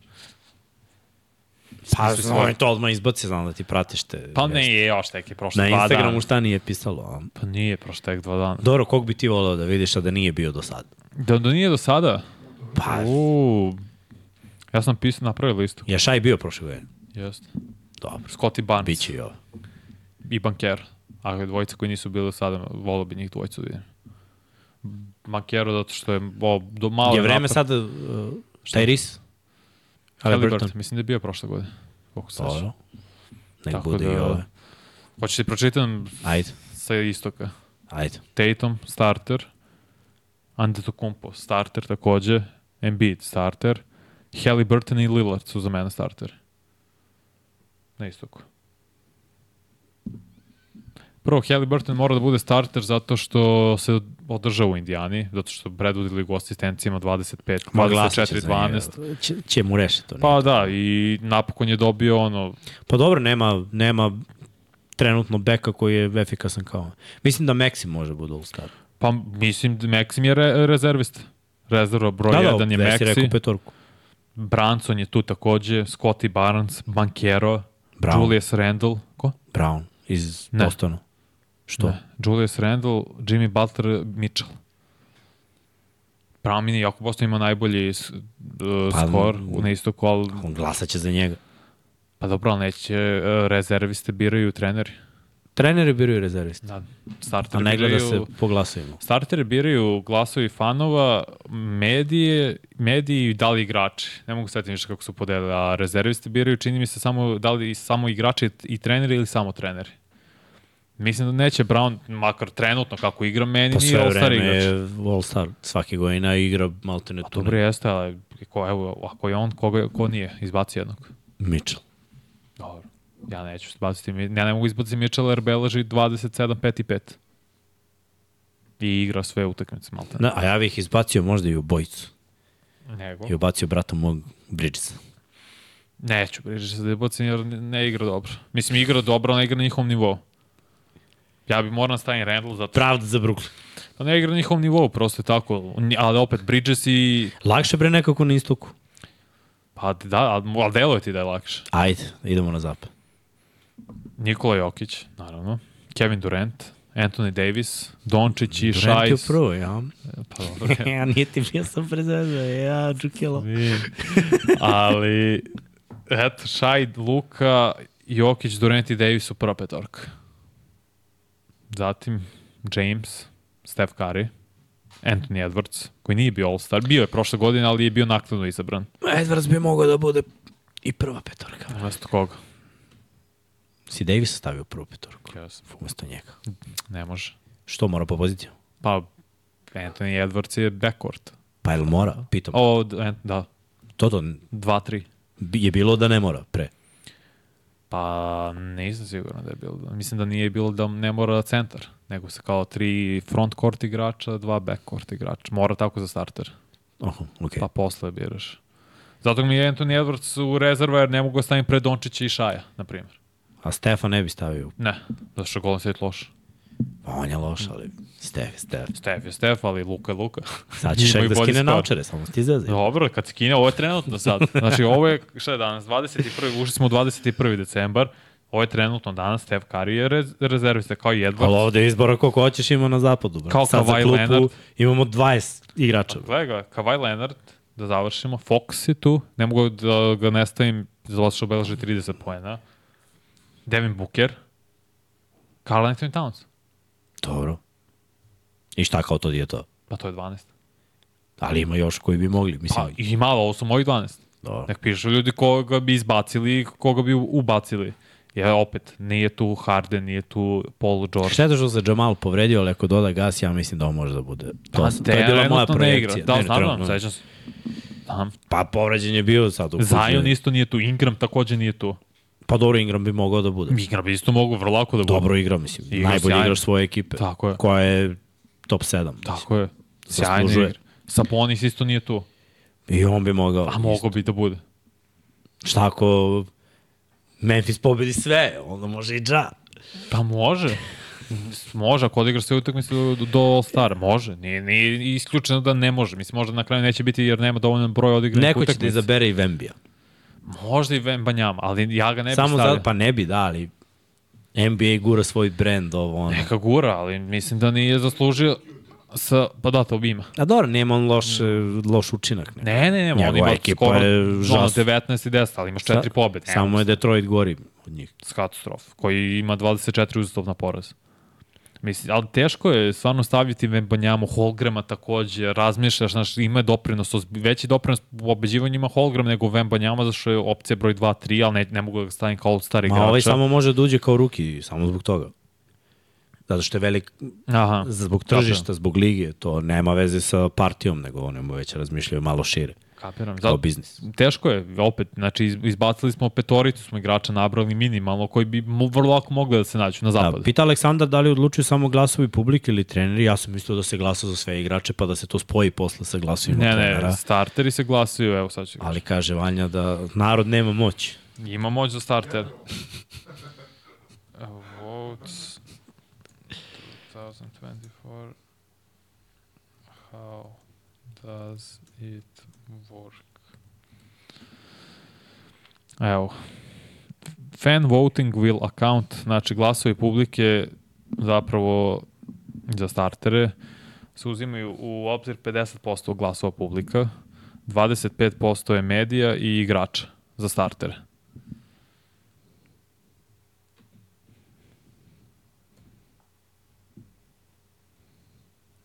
Znači, Pa dobro. Da ima šta još? Da li piše za...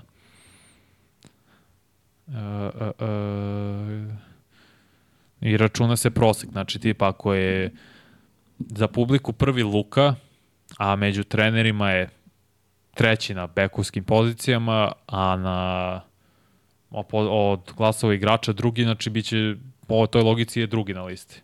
Ako je Šaj prvi, prvi, treći, koeficijent izvlači, on će biti prvi. Na taj način se to gleda.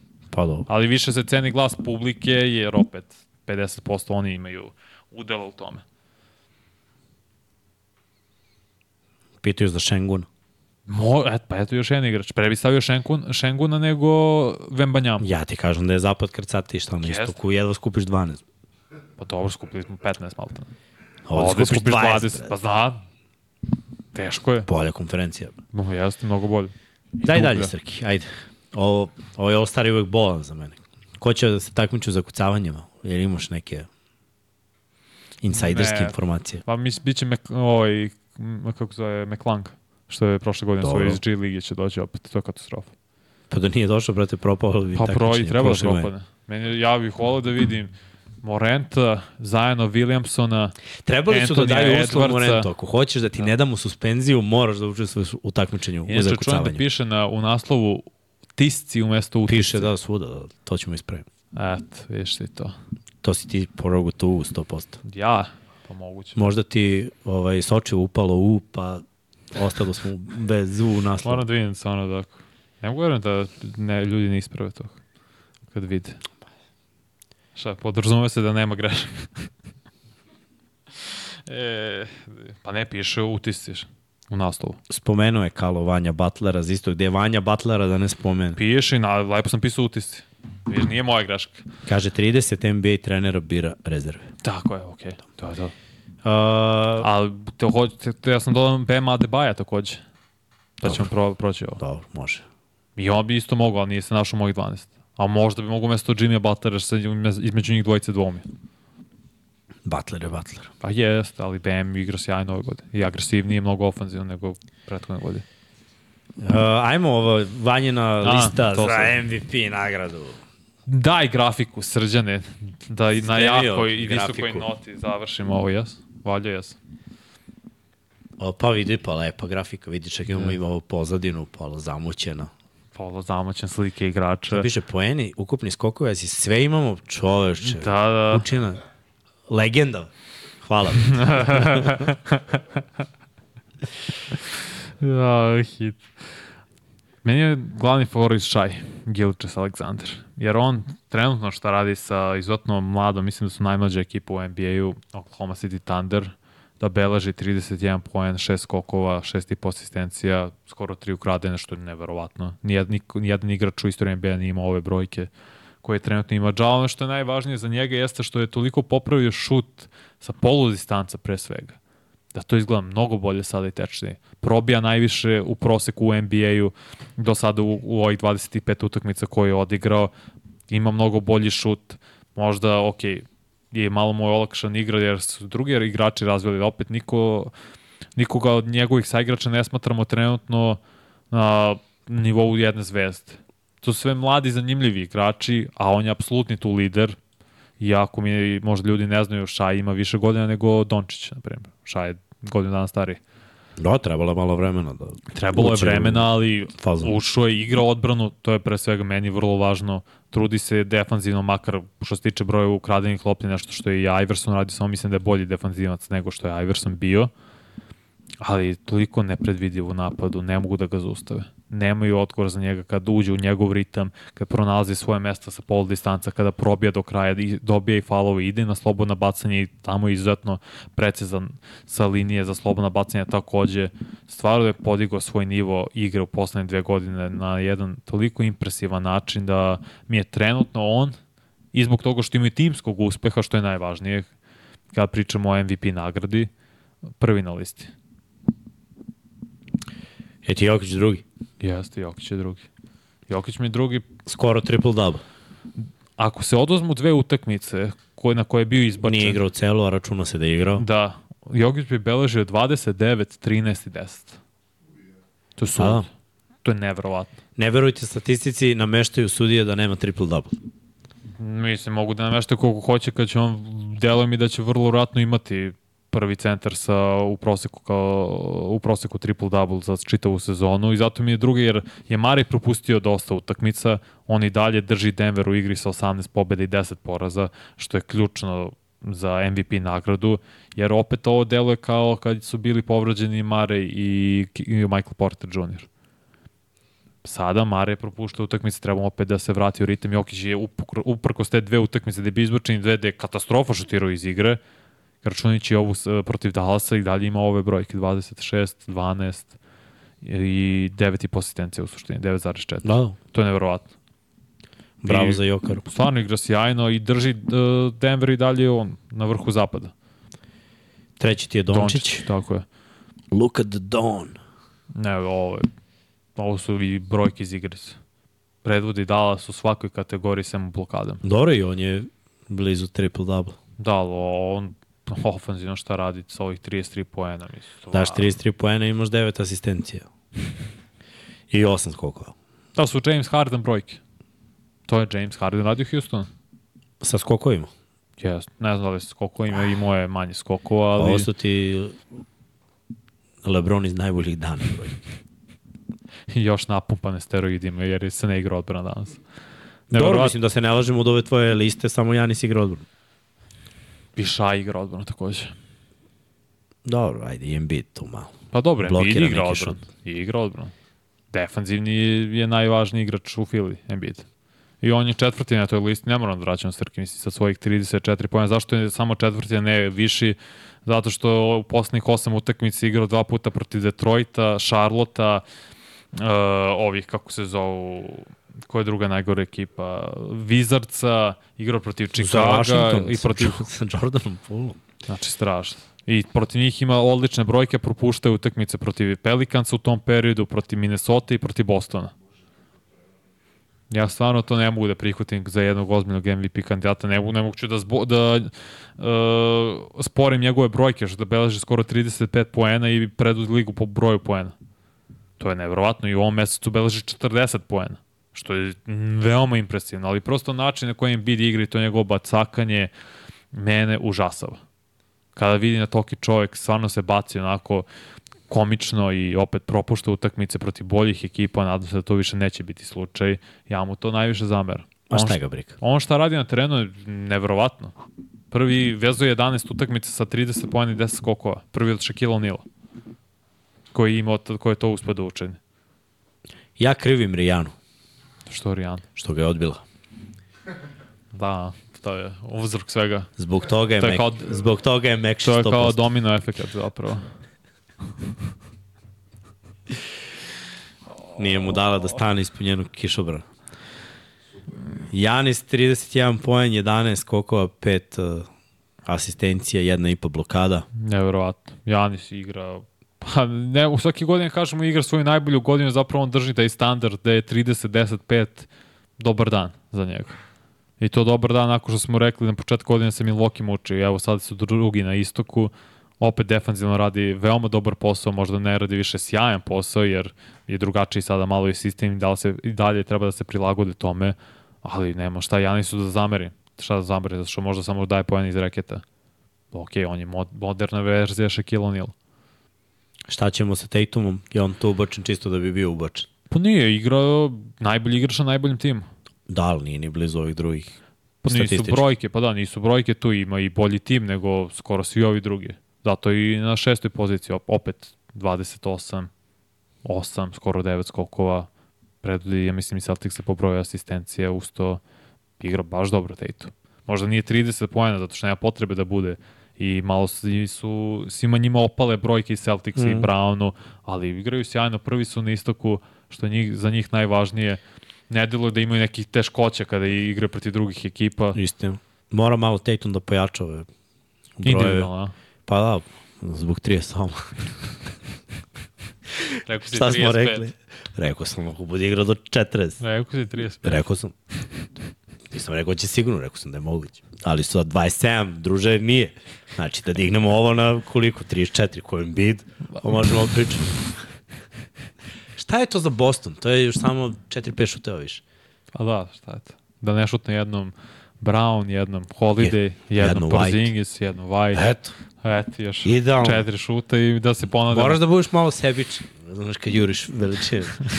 I onda u 40-im, kad bude igrao protiv neke krš ekipe, da igra 40 minuta. Kao LeBron? Kao Lebron. da vidiš kako će to da skoči. Ja, pa kao, znači, taj LeBron hit. Ali da, to su glavni kandidati za sada. Napravit ću, nisam stigao telope, to je grafike za all-star igrače po konferencijama, da niste teo da maltretiram Peru i Johnny puno danas. Što? Pa onako, dosta im je ovo. Više muka oko thumbnaila. Sledeće nedelje, pre novu godinu im daj. Pa da, Ovako, da ste kao- namuče.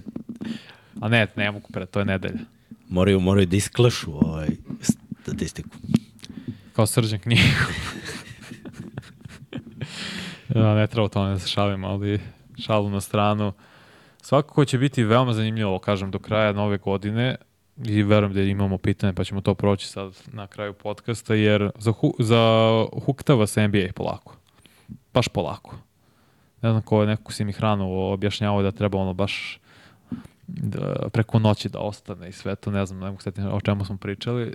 Sarma. Nismo pričali o Sarmi, pričali smo nešto totalno drugo. Nije Sarmi. Najbolje je Sarma kad prenoći. Nije mi A pričao možda Sarmi, je, možda je nešto ovaj, drugo. bri, briket. Možda, moguće. Brisket. Svako, to je NBA. NBA je sarma jedna. Za koje je treba, neophodno vremena. Ti misliš da je to... Prvo, uzimaš kupus. To ti je igrač koji je deformiran. koji mora da se staviš. Vembanjama. Dobar odabir kupusa. To je Vembanjama. Pa onda meso. To je talent. To je luk. Prvo, prvo kiseliš kupus. Kupus je već bio kiseljen Srki na koleđu. Znači, ne pratiš. Ali ovo je bio u Francuskoj ukiseljen. I lepo se proveo tamo. Zbog klime bolje se kiseli. Tako je. Da, tamo. Ju, pa naravno, kako drugačije. Meso je luka, to je taj talent, abnormalan. Pirinač, Pir, malo pirniča. malo. Sve što dolazi... To je ovaj, Oklahoma City, on klinci, Sa malo. istoka što dolazi, toga malo. A, sa istoka. Sa Da. zapada bolje stvari dolaze. No, okay. Više mesa. O moj Bože. Kaže, ja sam od Minnesota očekivao ovo i prošle sezone toliko mesa. Pa Kaže dobro. Nikola Milovanović. Bilo Ko je je- bolje, Boston ili Minnesota? Minnesota. Pobedili su ih, sad su bolji. Dobili u direktnom duelu u, ple, u produžetku. Sećam se te utakmice kad je Anthony Edwards preuzeo sa pet faulova Tatuma, zaključao ga, postigao ključne poene. Za sad su oni bolji i opet imaju bolji skor. Mislim da uh, će dalje otići Boston Celticsi, da im je domen mnogo uh, dalje nego ovim Timberwolvesima, a da je su trenutno Minnesota bolje. Ali više očekujemo od Bostona i verujem da će biti mrtva trka ko će u finalu, oni ili Milwaukee. Mm. To hoću vidjeti na sedam. Ma super će biti finala. Delo ove godine da, da će biti bolja finala konferencije nego prošla. Bar delo. Uh, svi, svi delo izreluje malo. Boston mi delo izreluje nego prošle godine protiv koga god da igraju, opet Vreme. biće dobro, opet s druge strane. Ne, Lakersi su malo bili iznenađenje prošle godine, pa je bilo lakše Denveru, ali I ove povrede na godine sad imamo još nekoliko timova, da, biće, biće to zanimljivo. Pa, da li prenosimo i subotu i ponedeljak NFL? Prenosimo. Sve. Da, dve u subotu, red zone i tri u nedelju i tri u ponedeljak. Pa kao. Ne javljajte mi se do srede. Spavam. Bukvalno će spavati. Če, to ni uopšte nije smešno. Utorak i sredu spavam. Ima da pitam da snimamo emisiju u četvrtak. Jedan na jedan radimo u četvrtak. Spavam i Sve sredu. u četvrtak. Jer posle opet imamo. Tako, Thursday night. Pa da. četvrtak, Thursday night, ja. subotu i nedelju. Možda nema subotu. Novogodišnju. Nemamo subotu. Ali- Uuu, mada. Možda ima. Može sad ću ne napustiti. Možda ima stvarno subotu. Mm. Ne verujem. Sad ću da vidim. Biće nam žurkica. Ne, ne, imamo. Kao... Kaže Vojislav, Imamo subotu, naš koju utakmicu? kaže. Detroit protiv Dallas. Pa eto, vidiš, subota. 2 Kažem ti ja. ja, pa ja im. Ti nećeš raditi, ali Što ne bi radio? Jesu dve u subotu. Nisu samo ta jedna. Pa eto, vidiš. Će Pa- se družimo. Pa ne, ali što imaš red zone. Ovo je subota nelju 2 i 15 ujutru. Ti imaš red zone Aha. od uh, 7 popodne. Ma nema to pravilo. Vidjet ćeš. Kaže Vojislav uh, Bovan Blue Eye Samurai je odlična preporuka svaka čast ako Tako imate još šta da preporučite, recite. Šta je, ako imamo? Još nešto da preporučite. Jujutsu Kaisen. Evo, Vanja ima. Jujutsu Kaisen je genijalno. Da, ja sam na anime. Netflixu još jednu, To nije na Netflixu. ne ne, ja sam odgledao još jednu na, na Netflixu, sam zaboravio kako se zove, ali je o Musashiju kao, isto je dobro. No, nije dobra kao Blue, Blue Eye Samurai, ali je dovoljno dobra. Zavisi Da ko šta, ko šta voli. Ja ne znam sad, mi, ne znam da li bi Miksa hteo da gleda Jujutsu Kaisen. Imaju čudovišta. Imaju. Ali A mislim, nije, onako ali, nerealna, robot čudovišta Ne, nije sci-fi. Science fiction. Nije sci-fi. i ovo. Ne, prokleta energija i tako, nije sci-fi. Dobro, to je okej. Samo da nije spoj ovo, to mi je, ja Šta to spoj? Da nije spoj drevnog i naučne fantastike. Nije, ovo je drevno više, mislim. Sjajan je Jujutsu Kaisen, stvarno. To, ali to ima na Crunchyrollu. Šta još, šta još, šta još, šta još. Demon Slayer je takođe fenomenalno. Ali to su anime, mislim, ja volim to gledam. Si gledao Afro Samuraja? Nisam gledao, Pogledaj. gledao Samurai Jack. To je Gledaj Afro Samuraja. Ali mislim, nije Samurai Jack je više za decu, ovo nije. Pa dobro. Rza radio muziku Samuel Jackson. E, mislim sam pričao. Daje to. glas. Da, da, mislim Dobar sam pričao. Mislim, staro je, ali dobro je. To bi ti se svidelo. I to pogledajte. Afro Samuraj. Moguće, moguće.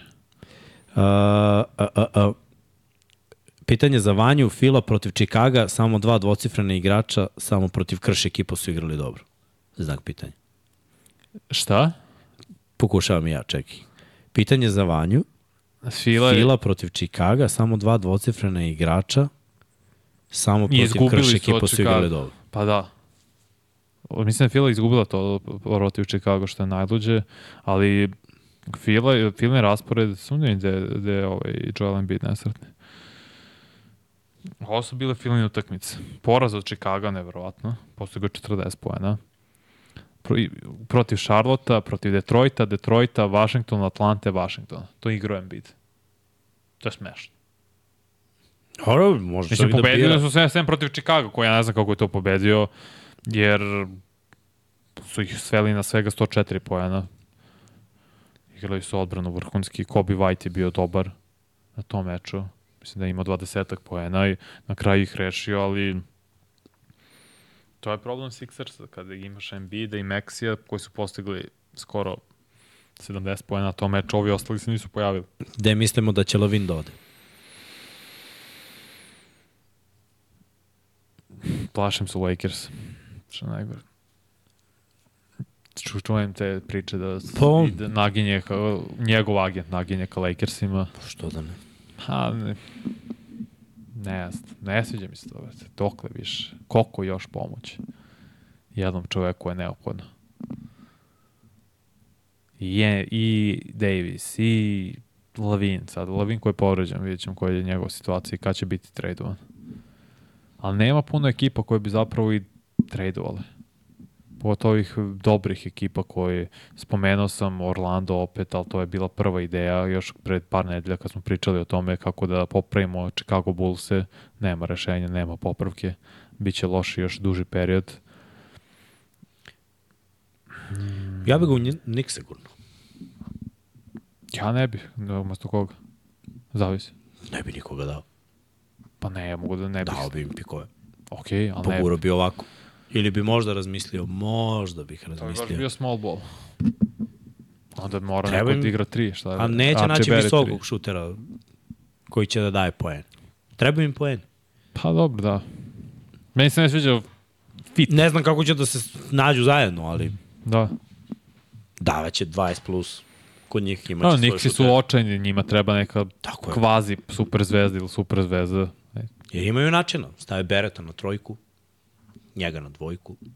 ub- Ubićeš samo pouzdanje Beretera i ove šuteve koje ima prepolovljene. A, to Pa ne mora da znači, malo brži pace. Malo brži pace i može da neće imati taj broj, ali To, neka je to objasni malo manje. Tomu Tibodovu, što se tiče bržeg Da. pace. I to što kažeš. I to što kažeš. Jel može Vanja naći ekipu za Bojana kao što i za Bogdana? Može. Ajde. Sledeće nedelje. Mora Vanja dobro da razmisli o tome šta bi dao i šta bi uzeo. Naravno. On voli da se spremi, zato ima svesku. koji nije Crvena ponao sad. sveska, da, nije tu sad. U rancu je. Jer je tu laptop. Kaže pozdrav Chicago bez Lavina 6-3. Bolja hemija, trenutno. Mada i ti mladi igrači igraju i oni za svoje ugovore i da se dokažu da imaju minutažu takođe. Dosta se očekivalo od Kobija Vajta kad je bio draftovan, pa je tek sad kreće da ispunjava ta neka očekivanja, na primjer. Ko bi mogao Bojana da uzme, da zarad traduje za njega? Pa Minnesota bi mogla. Neki koš getter sa klupe u slučaju da pored Nazar Rida, naravno, da imaju takav tandem koji ulazi sa klupe i postiže veliki broj poena. To ja bi, mislim, mislim da bi im to dosta značilo. Mm, Dallasu isto. Tim Hardaway i on sa klupe. Malo bi bilo to čupavo na početku kako bi se uigrali njih dvojica. A mi to isto ima smisla donekle. Dallas malo ima tanju klupu od ovih mladih igrača, od uh, Hardija, i od Grina nisu dobili ono što su očekivali za sada. Bojan, Bojan, Bojan, gde bi još mogao? Hmm. Da, Sacramento je već krcat. Tu ne znam kako bi izborio minutažu. Mislim, izborio bi on, ali ne verujem da bi oni to uradili. Smislit ćemo još ne, nešto, ako se još setim nečega reći. A jel mislite da će DeRozan da ode iz Bullsa iako Hoće. gde hoće sigurno nemam pojma gde, ne znam kome treba takav igrač. Da, da.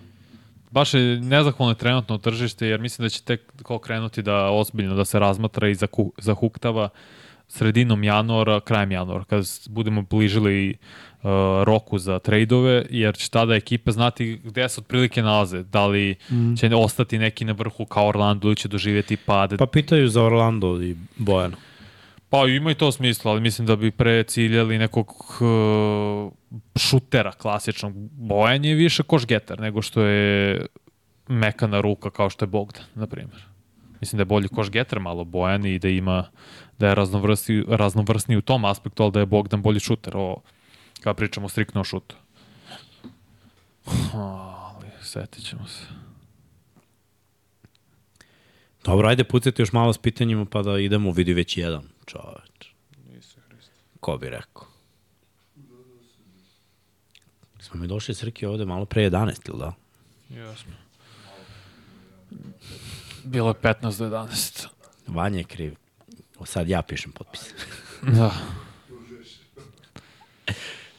Uvuku me. Ovo je...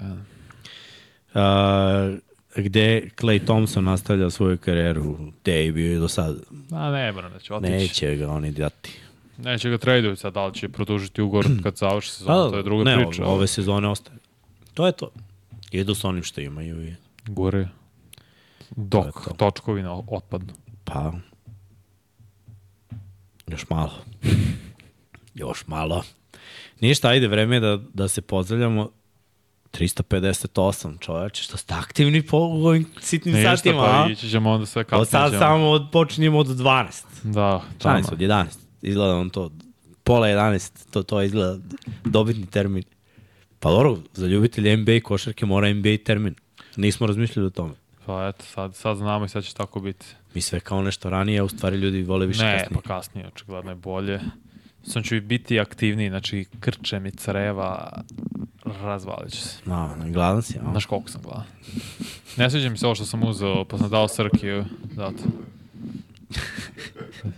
A Srki, hvala Bogu, nikada hranu ne odbija. Pa lepo je i iz restorana ovde ovo blizu.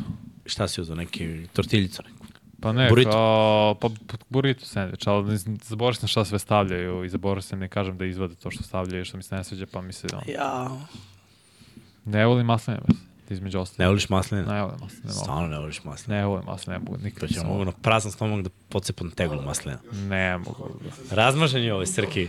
ne mogu, bre, kakve masline, ne mogu. Da smo Baš ja ne mogu. cimeri, namjerno bi kupao masline. Samo cepi se, bre, samo. Da, ali bio, bio, je- bio je danas baš zahtevan dan, još ovo snimanje posle i utakmice sad tek koje kreću. Ne, hvala Bogu, brate, imamo sutra. Šta kaže sad? Sad misliš večeras? Sad večeras je sreda, nema. Ću Wednesday night football nisu još uveli, niti Da. će. Toliko se najao da ne zna da li je sredi ili četvrtak. A, pa mislim, tehnički jeste četvrtak, ali ako ćemo iskreno... Kad je upisivao kalorije, pisalo je četvrtak. Da, da.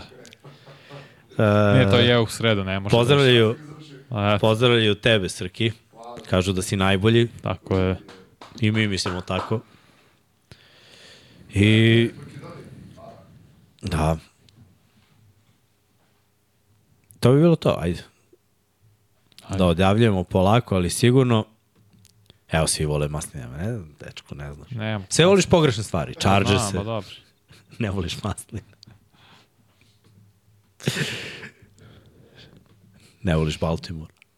Nisam rekao da ne volim Baltimore. E... Pošten Baltimore, ne volim Pittsburgh. Pa i to je dobra stvar. Nije za svakog. Nije za svakog, ali... E, pazi, opet će da imaju pozitivnu sezonu. Na kraju će nekako dođu do tih devet, neverovatni su. Što ne igra Biraću Steelers sve protiv Bengalsa, samo zato što ne igra Jamar. Pa ne znam. A, šta mislite koliko će biti potrebno Morentu da napravi neki novi gaf? Neće, mislim da je stvarno naučio lekciju. Jer sledeći gaf je godinu dana suspenzije ili vidim, čao zdravo iz NBA. Nema više gafova. To je Dobro. to. Iskreno. Ba, makar ne u skorije vreme. Da, upravo si. Trebalo bi da bude. Već je izgubio nekoliko sponzora. A ako je pametan, a delo je da jeste, da izgubi 250 miliona zbog idiotizma, stvarno mu ne treba u životu. Brate, Kanje izgubio milijarde. Kao Kanye može da vrati dalje te ne baš milijarde, ali dobro da ti para može da vrati. Imao je milijardu. Pa dobro, imao. Ima. Tako da, brate, kad je ta... Verujem da i dalje ima neki stotinak miliona. Lako će on. Ne brinem se ja za njih. Uh, kažu da ne voliš ništa vezano za Filadelfiju. Ne voliš Embida, ne voliš Eaglese. Nisam rekao da ne volim Eagles. Je voliš Ne, Filadelfija, ne. Sirni Namaz. Ne. Nisam rekao ne volim, to je zapravo Pensilvanija, znaš, Pittsburgh isto tu, pa zato možda ne volim. Nisam rekao ne volim Philly, ja sam realan i objektivan prema Philly. Kao što sam bio prema Pittsburghu pre tri godine, istina. A I šta Embida što ne desilo? voliš? I šta se desilo tada kad sam ovo rekao za Philly, izgubili tri za red? A Embida što ne voliš? Što si baksu? Aj. Što, objektivno Manje kad stvari. nekog mnogo voli ili ne voli, taj gubi. Znači, svoje voli, oni gube, ove ne voli i oni gube. Najbolje je da vas manje ne, ne, ne, ovaj ne primećuje. Ne Znači, da budete tamo negde sa strane, onda, onda idu dobre stvari za vas. Čim Evo, voli Rodgersa, volim, čim nanjušim povredi da ne, ste čovjek, nešto, ne uđe u play-off. čim nanjušim da nešto fali nekoj ekipi vrhunskoj kao što je Fila, odmah se to pretvori u delo. Kao što je falilo Steelers. Da, tri kovrati, tri ekipe. koji povrt izvučen, ta ekipa je nagrabusila, šta se radi? Izvuku Filu i... Dečko rekao, Seattle će biti prvi diviziju, možda ne uđe u play-off. O, Znači, jedva je sad uspeo malo da ih vrati. Da, da, bombe, bombe, malo Zbog sad. file, bre. Polako, ja, ima vremena. Ne da budu prvi, ne da budu prvi, ali možda i dalje se ostvari da oni Dallas igraju u finale konferencije. Držim se toga. To je nemoguća misija. Dallasu nije. Dallasu nije, ali Seattle je. jest. Što je bilo dobro Drew Lock da ih odvede u play-off. Znači, ima Joe Flacco bre. godinu. Be. To bi bilo Evo, mnogo. porediš, brate, Super Bowl osvajača sa drugom lokom. Dobro, on nije. Ja sam rekao kad je imao tu godinu. E, ste gledali oni kako zove, Gridiron Heights, kada Joe Flacco hoće da uđe u klub, klub, kad je elitni elita. quarterbackova. He's not the. Kaže, da li ste bili MVP? Jesam. Sezone? Super Bowl. A, red je tamo. Sezona 4000 yardi dodavanjem. Nijedna. e, ali sad imamo skoro 400, brate, na ovoj utakmici. U stvari, treba je samo da ode iz Baltimora. Da, da, vi ste krivi. Da, mi smo Vi krivi. ste krivi. Mi smo krivi za sve, bre. Neka kažem mi, ja, ja ni- niti video Baltimora. Uh, dobro.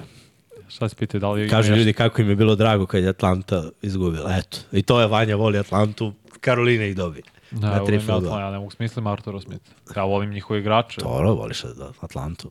Ne volim Atlantu. Voliš Ludakrisa. Ne.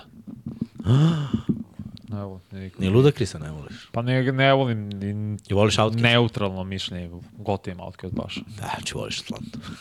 Volim Igos. Su oni iz Atlantu. Yes. Eto, vidiš. Nisam ni znao. E, dobro. ajde, sad se odjavljujem. Da stignem ja do teretane malo da istrajem. Ajde. Pa da spavam posle lepo. Srki, prva stvar koju ćemo da uradimo, ove tis, tiske, da prepravimo utiske u naslovu. A, hvala što ste bili tu, lepo smo se zabavili, stvarno. Dobra, dobra atmosfera i dosta vas je bilo. Hvala i ovaj, na ovim subscribe-ovima koji su se desili i neka ih bude još. Ako gledate ovo, ako pratite, niste lajkovali i niste se subscribe-ovali, uradite to, stvarno vama je to za džabe, a nama puno znači da stvarno stignemo do tih 45 soma do nove godine. I posle toga naravno idemo još jače, još bolje. NBA se zahuktava, NFL je ono, faza kulminacije, uskoro sve saznajemo, tako da pratite sve to, direktni prenosi na kanalima Arene Sport, mi smo tu u Infinitiju, čekirajte sve podcaste ako volite Automoto, Waterpolo, NFL ili uh, NBA, takođe sve to možete da nađete ovde. Čekirajte shop, podržite ekipu ako želite kao Patreoni, a upravo će sada Srke da pusti video gde se mi zahvaljujemo svim našim uh, prvim sponzorima koji podržavaju rad ove ekipe i stvarno ljudi hvala vam. Laku noć, lepo spavajte, budite dobri i do sledeće nedelje vidjet ćemo koji dan. Mi vas pozdravljamo.